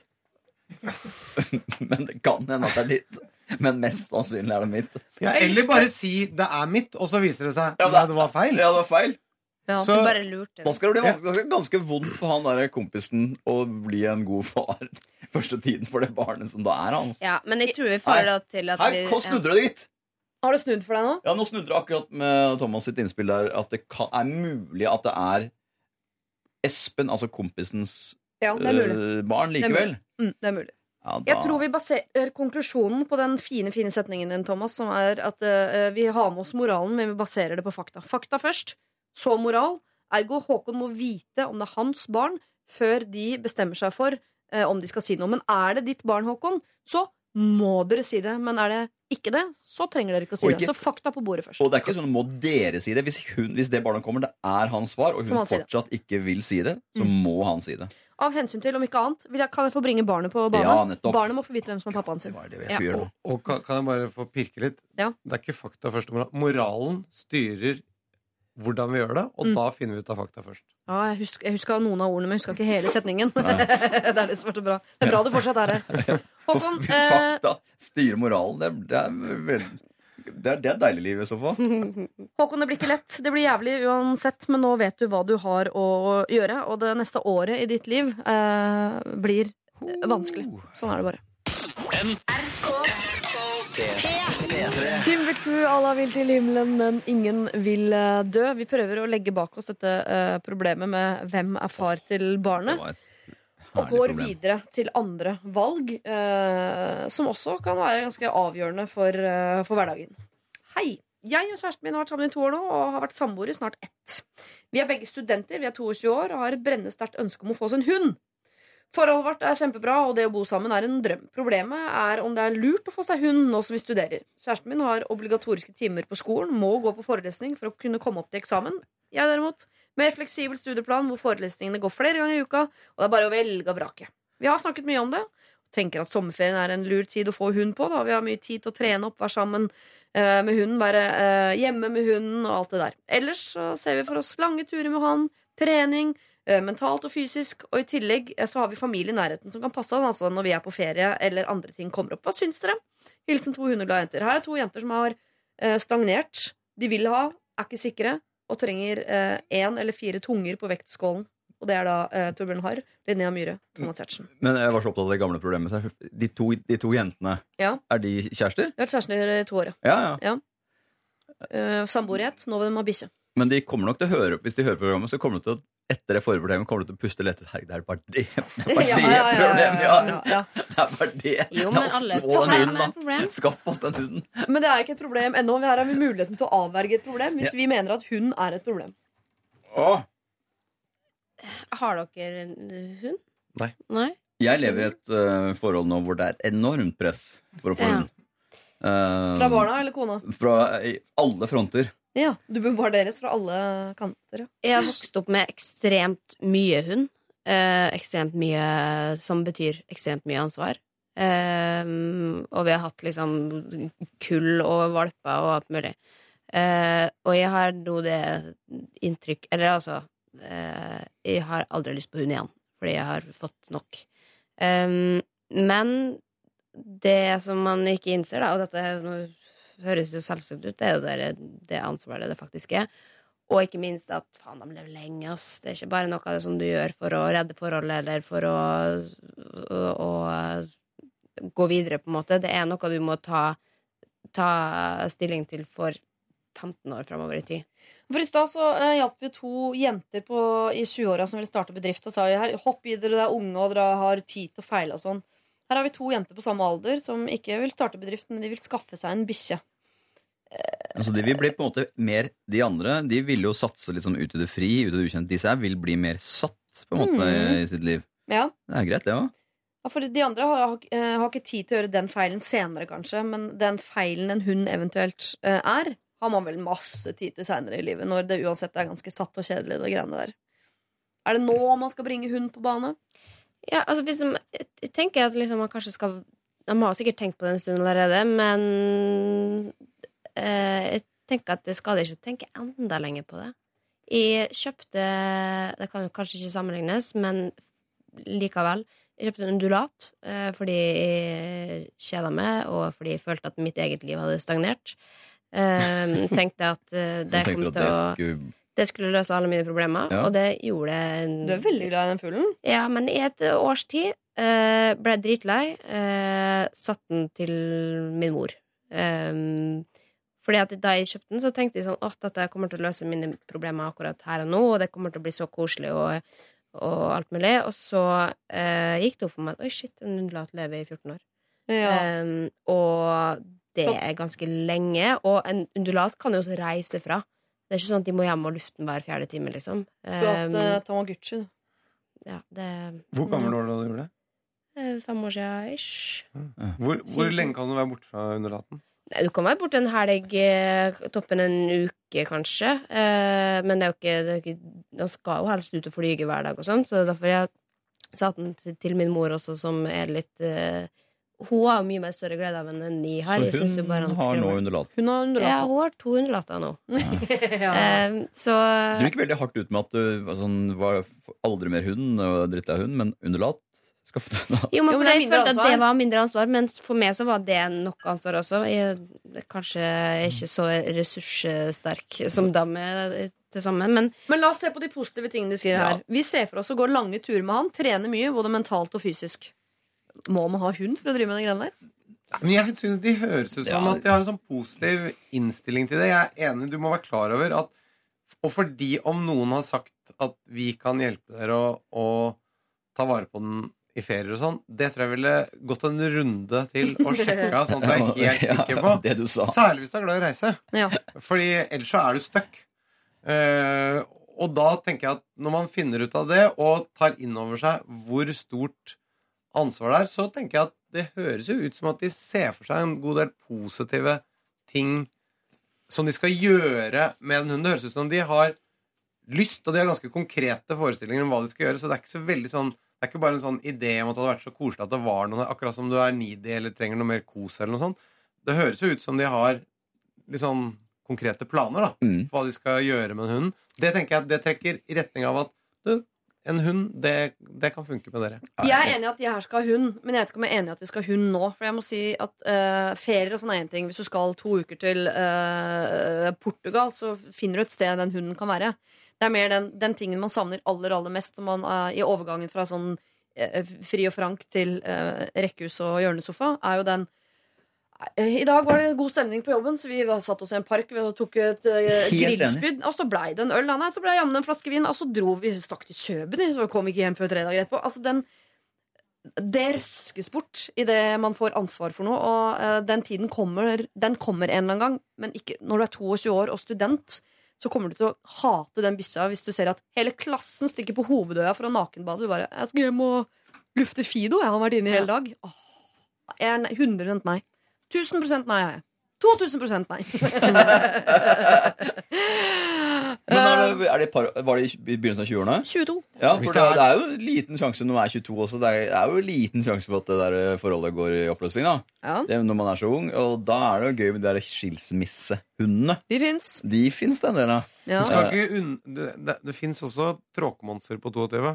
Så det kan jo hende at Hva kalte du det? tråkemonster. Folk som er veldig kjedelige. Eh, og eh, og Som- da kan det hende at de er, hvis de er to Som uansett går hjem klokka tre Ja. og, og, og ser på sånn Netflix som, derfra. eh, sånn som meg, som ikke er så glad i å gå ut etter jobben, og sånn, så, så kan det hende at det da passer det fint å ha en hund og er glad i å gå på tur. Jeg tenker dette er Ja. I ditt liv er den perfekt. Nei, det er ikke det, fordi jeg er glad i å dra på ferie og glad i den friheten som særlig da handler om ferier og sånn. Og en ting er Ja, du får omplassert Det er så mye styr. Jeg orker ikke Men kan man ikke- ja. administrere det der. Kan man ikke ha en, en hund på fôr, da? Eller ha, lære opp en hund til blindehund, eller et eller annet sånt, sånn Ja. at man får kjenne litt på det? Ja, for det er jo i min, altså jeg klarer å holde imot det presset fordi at vi har eh, faren min og hund, og det er forskjellige hunder i, i omkretsen vår. Mm. Da passer vi jo liksom så Vi har mye hunder innom. Men det var ikke Perfekt problemet litt løsning. løst her nå? Prøve med en eh, blindhund. Jo, jo. Eh, Det syns jeg var helt ideell måte Det er vanskelig for meg å være så uh, 2000% negativ til noe som jeg selv driver og skal skaffe meg. Vi skal ha hund i min familie, men jeg er nå likevel i rekkehus- og hjørnesofadelen av livet, så da er det greit. Det blir, det blir ikke noe verre nå, på en måte. Jeg skal liksom ha struts og, og bjørnunger og alt mulig. Men 22 år, skeptisk til å ha hund. Men det er som Thomas sier, kanskje dere allerede er i en tralt i livet som er sånn Nei, vi liker å gå hjem, det er ikke så mye festing, det er ikke så mye spontanitet, vi eh, er mer glad i å gå på turer, og vi vil ha med hund, osv. Prøv det. Skaff dere en blindehund, eller skaff dere en hund på fôr, og så sjekker dere eh, det et års tid, halvt år, eller hva det nå måtte være, før dere binder dere helt til en livssituasjon som dere ikke nødvendigvis er klare for nå, som dere er 22.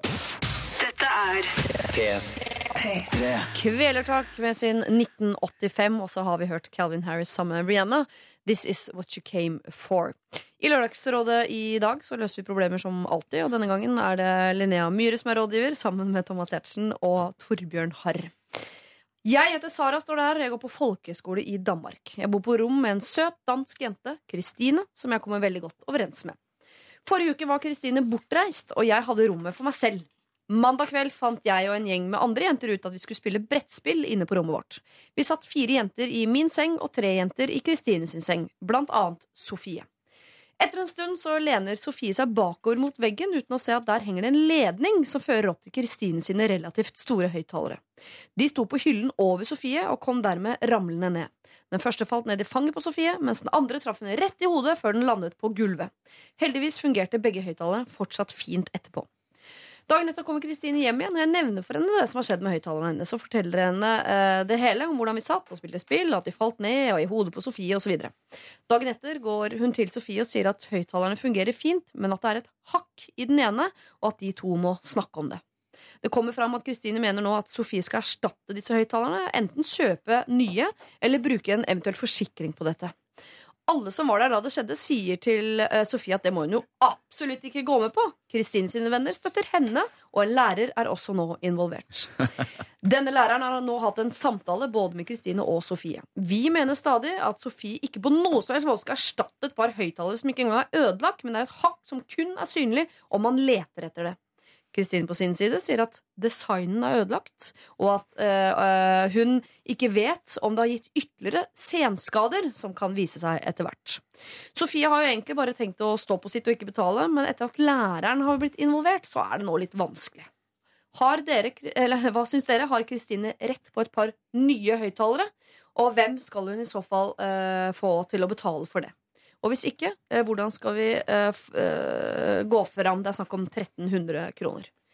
Altså Skal disse høyttalerne erstattes? Det er et lite hakk i dem. Designet er ødelagt. Hvis det er riktig som hun sier, så er svaret nei. Jeg har ikke noe krav på nye høyttalere, nei. Hvis du må lete etter det hakket, Ja. så Man kan jo reparere, eventuelt pusse. Jeg vet ikke hvordan materialet er, men det går vel an å reparere det hakket, da. Blir fort uh, dårligere enn det, det, altså. blir fort dårligere. Det kommer Mm. jo helt an på hvordan og hvem som gjør det, da. Ja, skal du sender sende inn til 1300 kroner i en fall. Hvor mye koster det? 1300 kroner? Ja. Hvor mange var det inne på det rommet? sju, da. Sju stykker. Ja, så det er litt over 200 kroner på hver. Jeg er ofte sånn, jeg mener at det må aldri aldri betale tilbake det, egentlig. Men av og til i livet så er det sånn deilig å være sånn ovenpå. Hvis de andre venninnene går sammen. Ok, vi spleiser i 200 kroner hver på de som var på den lille festen. Så skal hun få de der jævla 1300 kronene. Vær så god, hvis du virkelig vil ha dem. Da, har man Da liksom får du da får et moralsk overtak hele resten av livet på hun eller Kristine som har eh, Og du får også, da, da, da blir det var syv stykker, så da Ja. blir det en hundrings til å ta taxi eh, for å kjøpe de også. ja. Ja, og så har jo de da et sett med velfungerende høyttalere med et hakke. Ja, som det de må du kan- huske på. Som hun fritt kan få lov å låne. Ja, Hvis hun- ja hvis bare, du, hvis du har fire, så kan du koble opp, så blir fire. Som får surround inne på soverommet sitt på folkehøyskolen. Jo, men Jo, hvis men- hun skal erstatte den, så må hun få dem Få dem uh, høyttalerne, sant? Så hun Ja, ja. får kjøpe seg nye. Hun får seg, ja kan du, Men jeg, jeg, altså, jeg tenker jeg, det må være grusomt å være et menneske som skal kreve penger for det. Egentlig så tenkte jeg at Thomas kom til å være på andre sida. At du kom til å kreve det samme. Men det er kanskje han Thomas Helt perfekt Thomas. Som ville ha Han ville ha krevd penger. Han hadde krevd penger. Men uh, jeg, jeg ville ha gjort en I hvert fall hvis hun på dødelig skal ha de pengene, at alle gjør det, og at vi gjør, gjør et statement ut av det, og ta ut mynt, liksom, og gi det til henne. Så hun kommer til å føle seg dum, for du kan ikke gå rundt og kreve penger for noe som eh, ja, funker helt fullstendig fint. Ja. Jeg, jeg må si uh, jeg er helt enig, men jeg, jeg kjente på Altså når hun sa designen er ødelagt, Mm, ja. jeg å, her, har vi en, litt eh, eh, her har vi en kvalifisert kverulant. Det Men- må jeg si, det ble jeg litt svak for. Den evnen til å liksom formulere problemet. Ja. Så det, det må jeg si. Men eh, jeg er holdt opprettholdt da utgangsposisjonen. Du gjør det, ja. ja. ja. Og design til 1300 kroner? Hva slags Det er jo bare tull.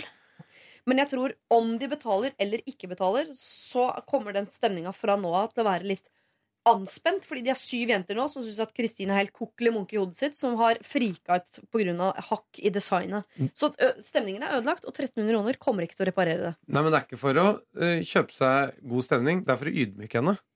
Altså skal gjøre stemningen dårligere, og i tillegg På en, på en subtil måte Ja. få henne Det en, eh, en alternativ til å begynne å krangle. Mm. Så er det å betale og sette henne i en eh, situasjon som hun kanskje gjør at hun tenker seg om, eller skjønner at jeg har dumt meg. Men, la meg, men som- eh, la meg nå bare spørre vet, Er det sånn eh, at er det, Kan det hende at denne Kristine, eh, hvis vi ser på hodet Hva heter hun som sender inn? Eh, Sara, det er en tredje, en av de andre syv jentene. Ja, ikke sant? sender. Men er det sånn at. Sara og den gjengen er sånn syv jente, jente på syv, og så er hun Kristine en ganske ålreit jente som er, går på den folkehøyskolen, men hun må holde ut med at Sara inviterer med sånn sju jenter inn på det rommet hele tiden. Det er dritt det de holder på, er der hele tida. Og så kommer det til og med kommer hun hjem etter en, så har de til og med ødelagt den der uh, høyttaleren. Men da kan du ikke gå på folkehøyskole. Så jeg synes det er vanskelig med store grupper som samler seg for å ha det hyggelig og høre på musikk. Prøv å Altså, se fra en annen vinkel. Men kanskje altså, Vi må gå til kjernen på hvorfor skal hun på Døde Liv ha disse pengene. Da er det så viktig Altså Er det fordi at hun har eh, Gå og snakk med henne, da. Hvorfor trenger du de 1300 kroner liksom, på noe som du ikke hadde merka hvis ikke jeg hadde sagt det til engang? Ja, for jeg Er tenker at sånne, sånne som Kristine, som får seg til å be om de 1300 kronene tilbake, de kommer ikke til å skjønne hintet i at de får igjen 1300 kroner. Kommer bare til å være fornøyd med å få de 1300 kronene. Kommer ikke til å tenke sånn Å, der har de satt meg i forlegenhet. Kommer ikke til, jeg tror ikke hun kommer til å skjønne det. Jo, det tror jeg. Ikke hvis du kommer med mynt heller. mynt, hvis du Ja. får det mynt, så kanskje hun skjønner det. Det bare minner meg tilbake om en historie som jeg, jeg tar opp hver gang det snakkes om penger. Fordi vi hadde en venninne i vår gjeng som alltid eh, krevde penger for ting. Kjørte oss til byen i pappas bil med pappas bensin, og alle måtte betale 20 kroner. Og jeg blir irritert og gir henne en hundrelapp sier sånn 'behold resten', du. For å gi et sånt type hint for at hun skulle føle seg forlegen. Kjempefornøyd, hun. 100 kroner. Rett i lomma. Kjempeblid og fornøyd. Ikke noe problem.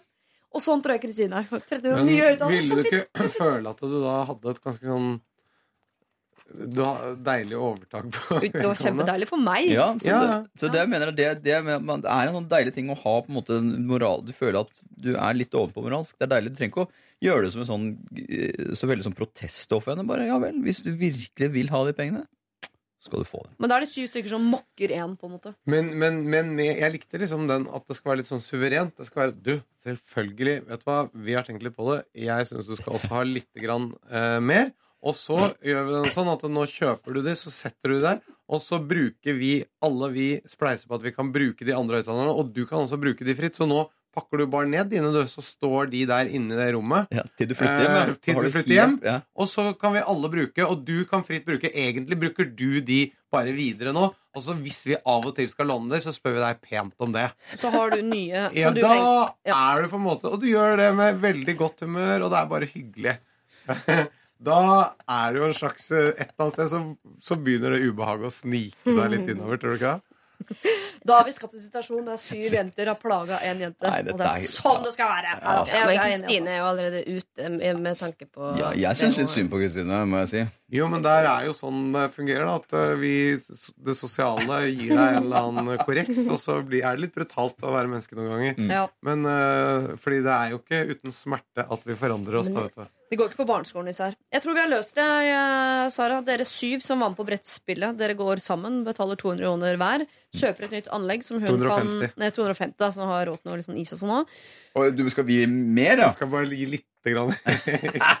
Og da har hun et, par, et sett med flunka nye høyttalere som hun kan sende hjem til mammaen sin, så hun har de nye ventende på seg hjemme. For de gamle høyttalerne de blir- og det er de dere skal fortsette å bruke sammen på eh, folkeskole nå, uten å måtte tenke på om det eventuelt måtte bli flere hakk. Mwah. Dette er er P3.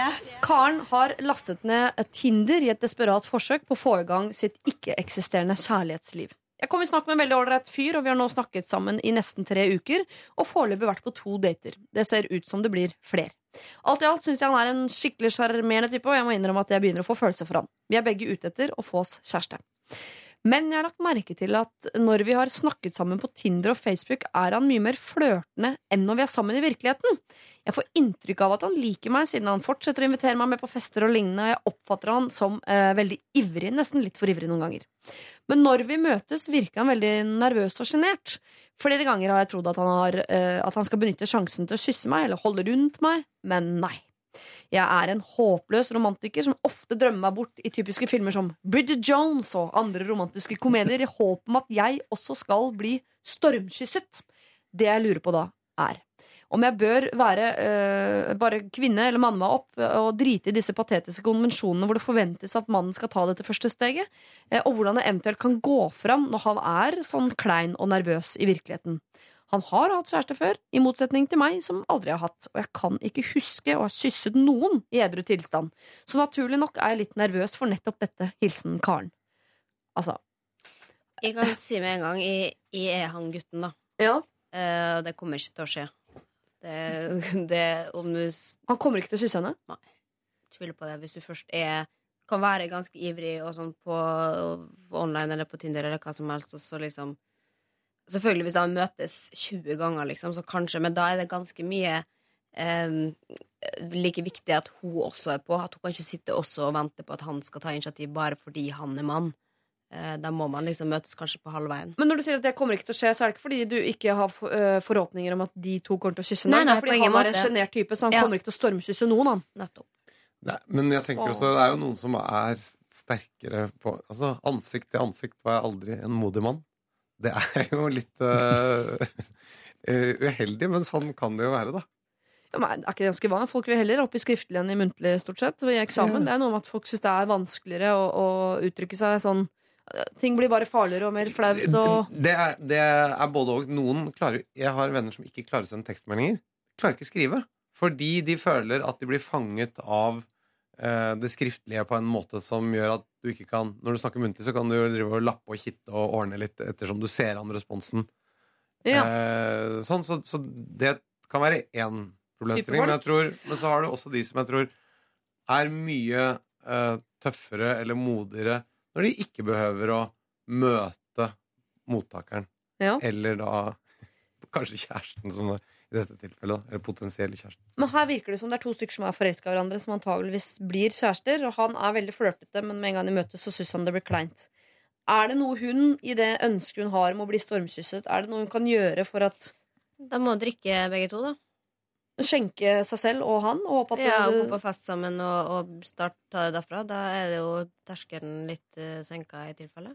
Ja. Men hvor, hvor, liksom, hvor vill og dyrisk kan hun få Woody Allen, liksom? Det kan jo hende at hun bare har valgt en mann som ikke har det på repertoaret.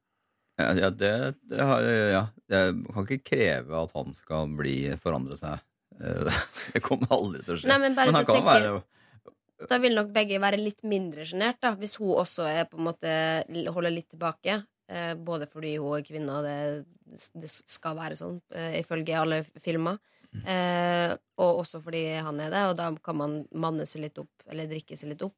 Du trenger ikke at du å drikke flaskesprit og Nei. eh, av den grunn. Ja, men Men, faller, eh, man, faller man for en sjenert fyr, så er han jo en sjenert fyr. Ja, hvis, hun, hvis de har vært på flere dater og fester Hvis han tar med henne på fest på da, er- da, hvis, hvis du er gutt og tar med en jente på fest, da, er da mener du alvor, liksom. Det, er ikke noe det er ikke noe tilfeldig Tinder-date, så det syns jeg lover veldig bra.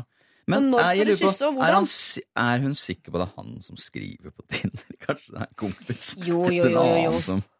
driver ja, Det hadde vært At det er litt sånn Roxanne-problematikk. Ja. Det er en som skriver dikt, mens Ja, han men andre er dette er jo brannmann vår generasjons uh, største problem. At vi er jævlig tøffe på internett, og så er vi egentlig ikke så tøffe i trynet på, i det virkelige liv. Og det, hvis hun er liksom sånn ja, både tøff på internett og Eller sånn halvveis i begge deler, da, så, så kan jo det være problematisk for henne, fordi at hun ikke kjennes igjen i kanskje den hun syns hun snakker med på internett.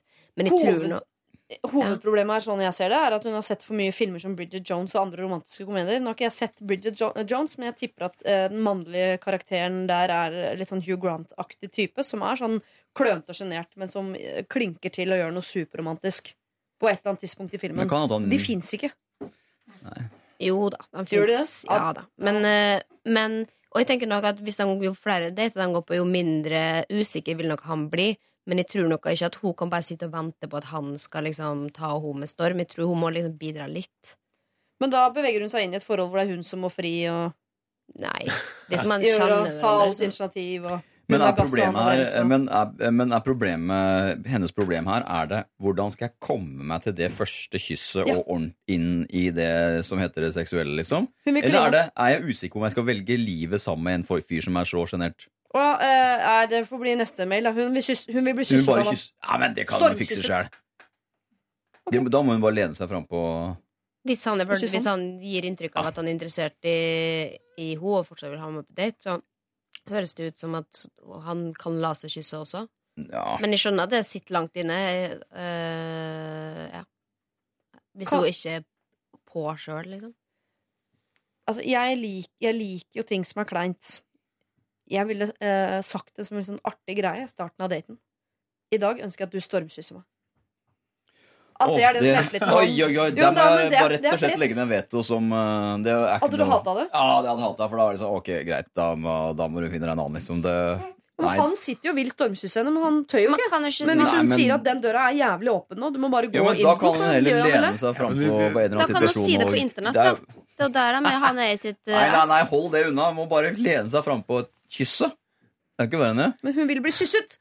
Ah, men- det må hun uh, Bare, komme, seg- videre. bare det å har lyst liksom videre. si I dag vil jeg bli stormkysset. Nei, da å, er fy Hvordan mener du? Altså, du Snakk om å åpne for 10 000 ja. nevroser. Hvis han allerede er en sånn sjenert fyr. Å, fy flate. Og da blir det verre, altså. Ja, det blir mye verre. Ja, det kan jeg love deg. Dette er første time hos psykologen. Du kan uh, få Men- beskjed om det. Hvis jeg hadde vært på date med en dame som første hun sa var 'i kveld vil jeg bli stormkysset', så hadde, det hadde, da hadde jeg ikke vært så interessert. Det er ikke første daten, da. Det er tredje. Ja, ja, Og de da- snakker sammen på Nei. internett. De har snakka sammen i tre uker på internett. Da må de jo snakke om andre ting enn eh, hva vedkommende har gjort på i dag. Da, må, da kan de kanskje bevege seg inn litt inn på det. Hvis han er jævlig på, så kan man jo snakke om hva skal vi gjøre på neste date, liksom.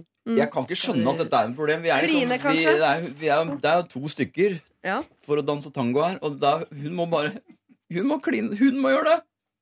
Hun har aldri kyssa noen før. Nei, men Det er så deilig. Det kommer til å bli kjempefint. Hvor gammel er hun? Ja, hun Jeg er vet ikke. tolv. 13. Jeg er ni. Nei, det er Nei, ok. Dere eh, gutta, dere vinner her. Dere er jo på andre siden av dere, dette. Dere vet hvordan eh, Karen, dere vil at Karen skal oppføre seg for at dere skal bli et eh, par. Så må Karen er bare rett og slett nødt til å, å høre på dere der. Eh, Karen, Du må kysse han. Det blir ikke noe stormkyssing, det blir ikke noe Bridget Jones, det blir ingenting. Men det blir kyssing. Og kanskje neste gang så står dere foran i baugen på en båt, og det er han som tar initiativet når dere først er i gang. Men yep. det første kysset, det er det du som må gi.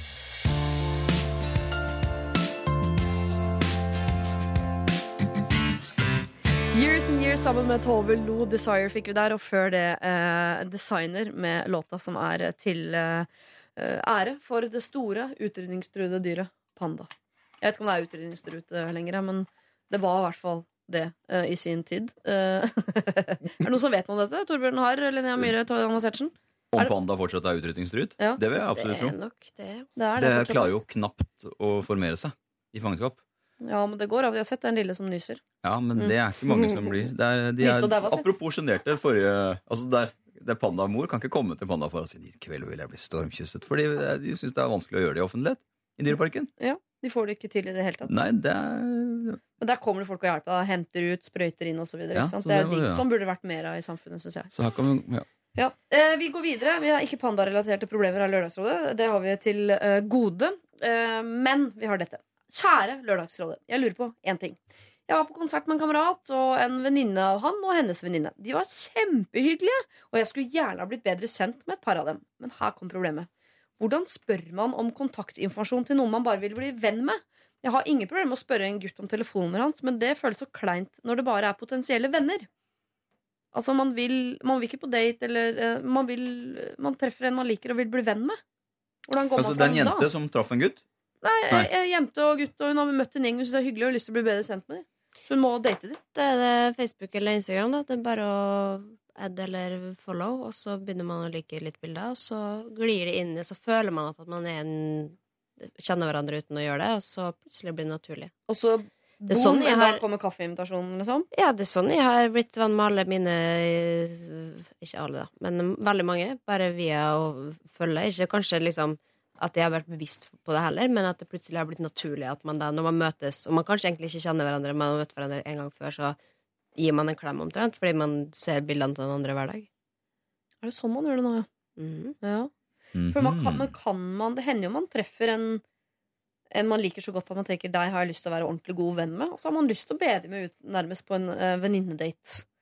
Er det Men hvor gammel Her står det ikke noe alder. Men det, for det er jo litt rart å liksom skulle si Å, kanskje vi tar en kaffe en dag på første gang du møtes, eller med mindre man har noe veldig spesielt å, å snakke om. Så da tenker jeg at det er kanskje litt fint å, å gå litt eh, varsomt eh, ja, eh, fram til det, da, og så kanskje, ja, kanskje ved Instagram, internett, og For ikke skremme bort, på en måte. Ja.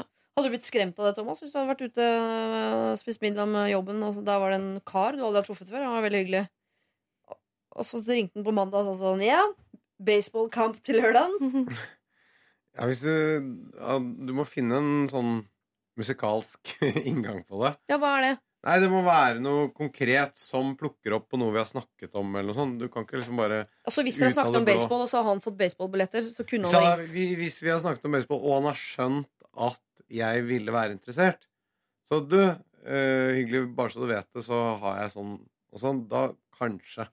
Men det er jo Ja, det spørs jo hvor mye man har snakket, og hvor åpent målet det er, ut ifra hva den konkrete henvendelsen Ja. er. Men dette tror jeg vi har snakket om en gang før, uh, Torbjørn. At når man har sånn kreative yrker, så treffer man jo folk hele tiden. Så man tenker 'å, kul kompis'. Husker du sa en gang på teatret, så treffer du da masse unge skuespillere som du har lyst til å henge med, men du føler Ja. deg helt teit når du spør. Ja, ja. Hva gjør du da? Du har tydeligvis Har du gått noen blemmer der, eller pleier du å finne? Nei, jeg er veldig sjelden jeg spør om telefonnumra. Ja.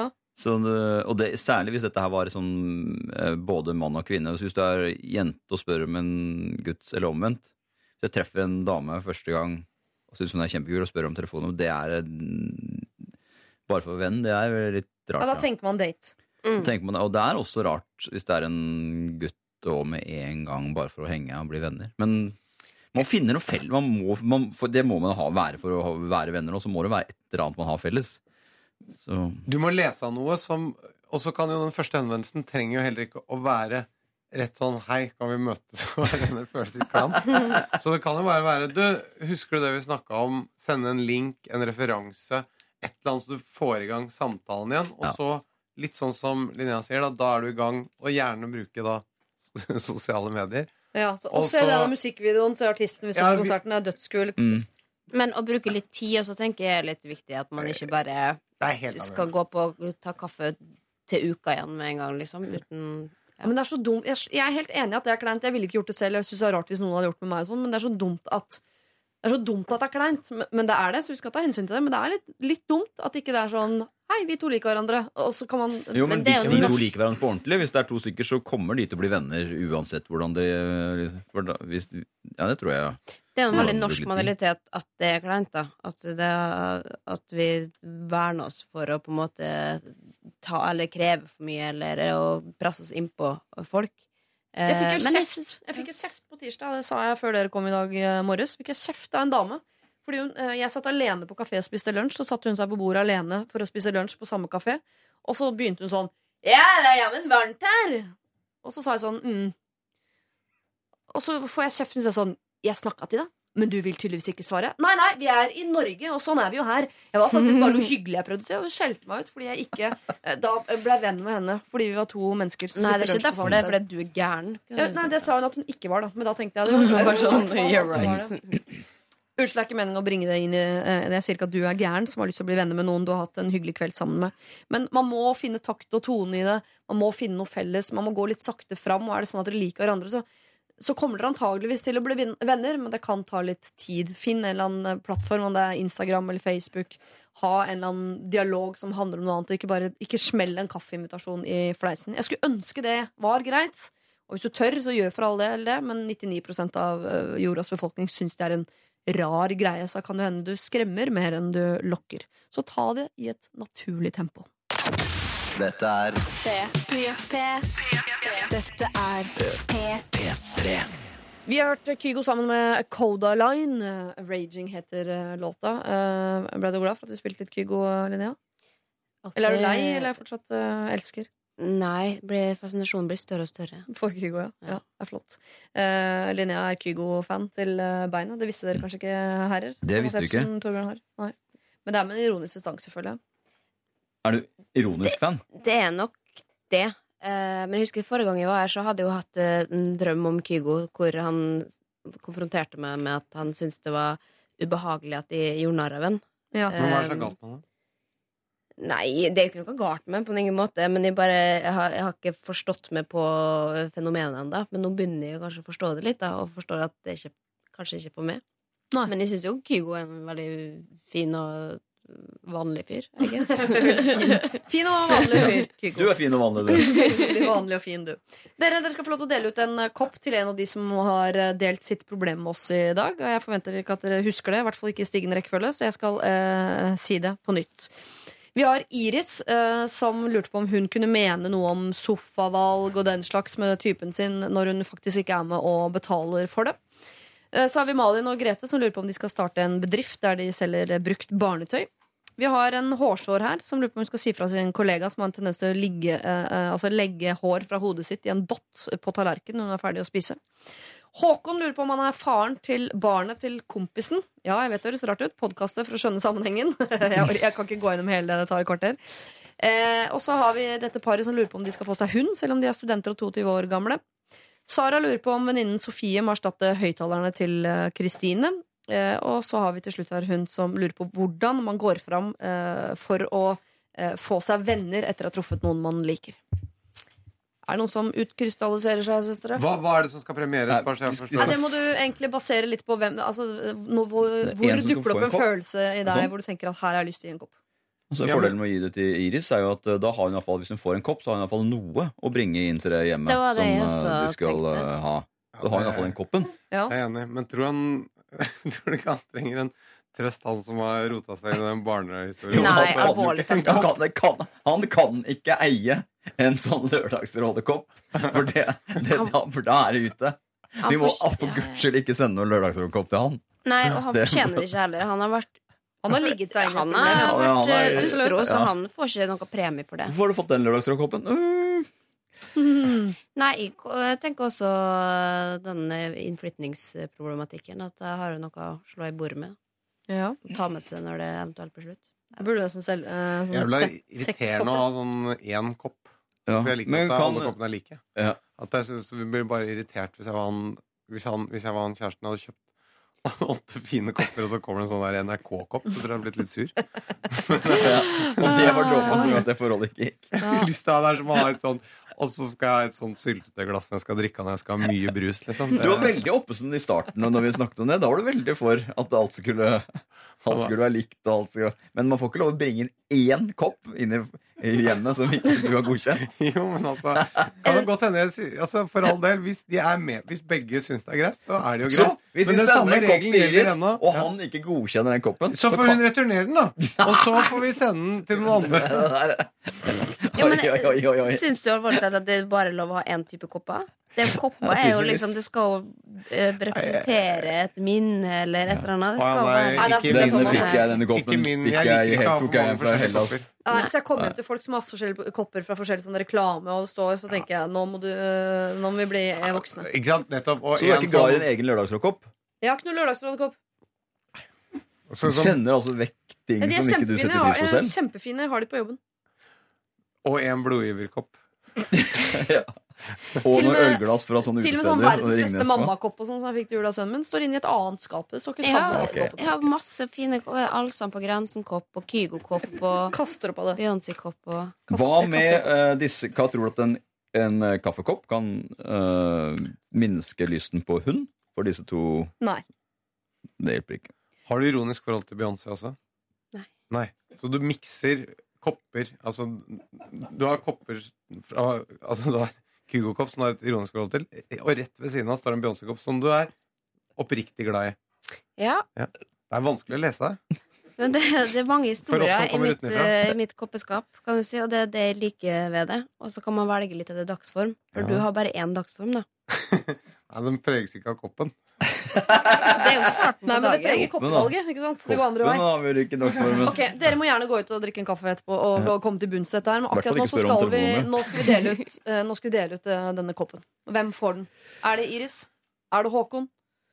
Så jeg, som jeg sa, i deres forhold så støtter jeg uh, Det må være en demokratisk avgjørelse, og her er det flertall for at de skal få, så jeg, vi fører det samme prinsippet her. Jeg blir med på at den koppen går til Du bare- Iris. kan Du bare bryr sende kopp til hun her, her som er på dansk i Danmark på, på Hva heter det? Folkeskole? Ja.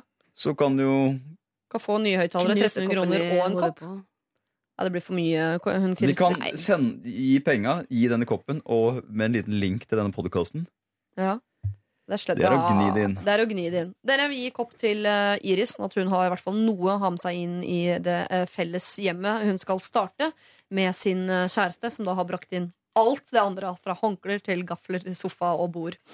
Eh, det tror jeg er en lur avgjørelse. Tusen takk for eh, gode råd eh, i dag. Dere har fått noen skikkelige nøtter av meg som jeg syns dere har løst på strak arm. Nå skal dere få lov til å ta sommerferie.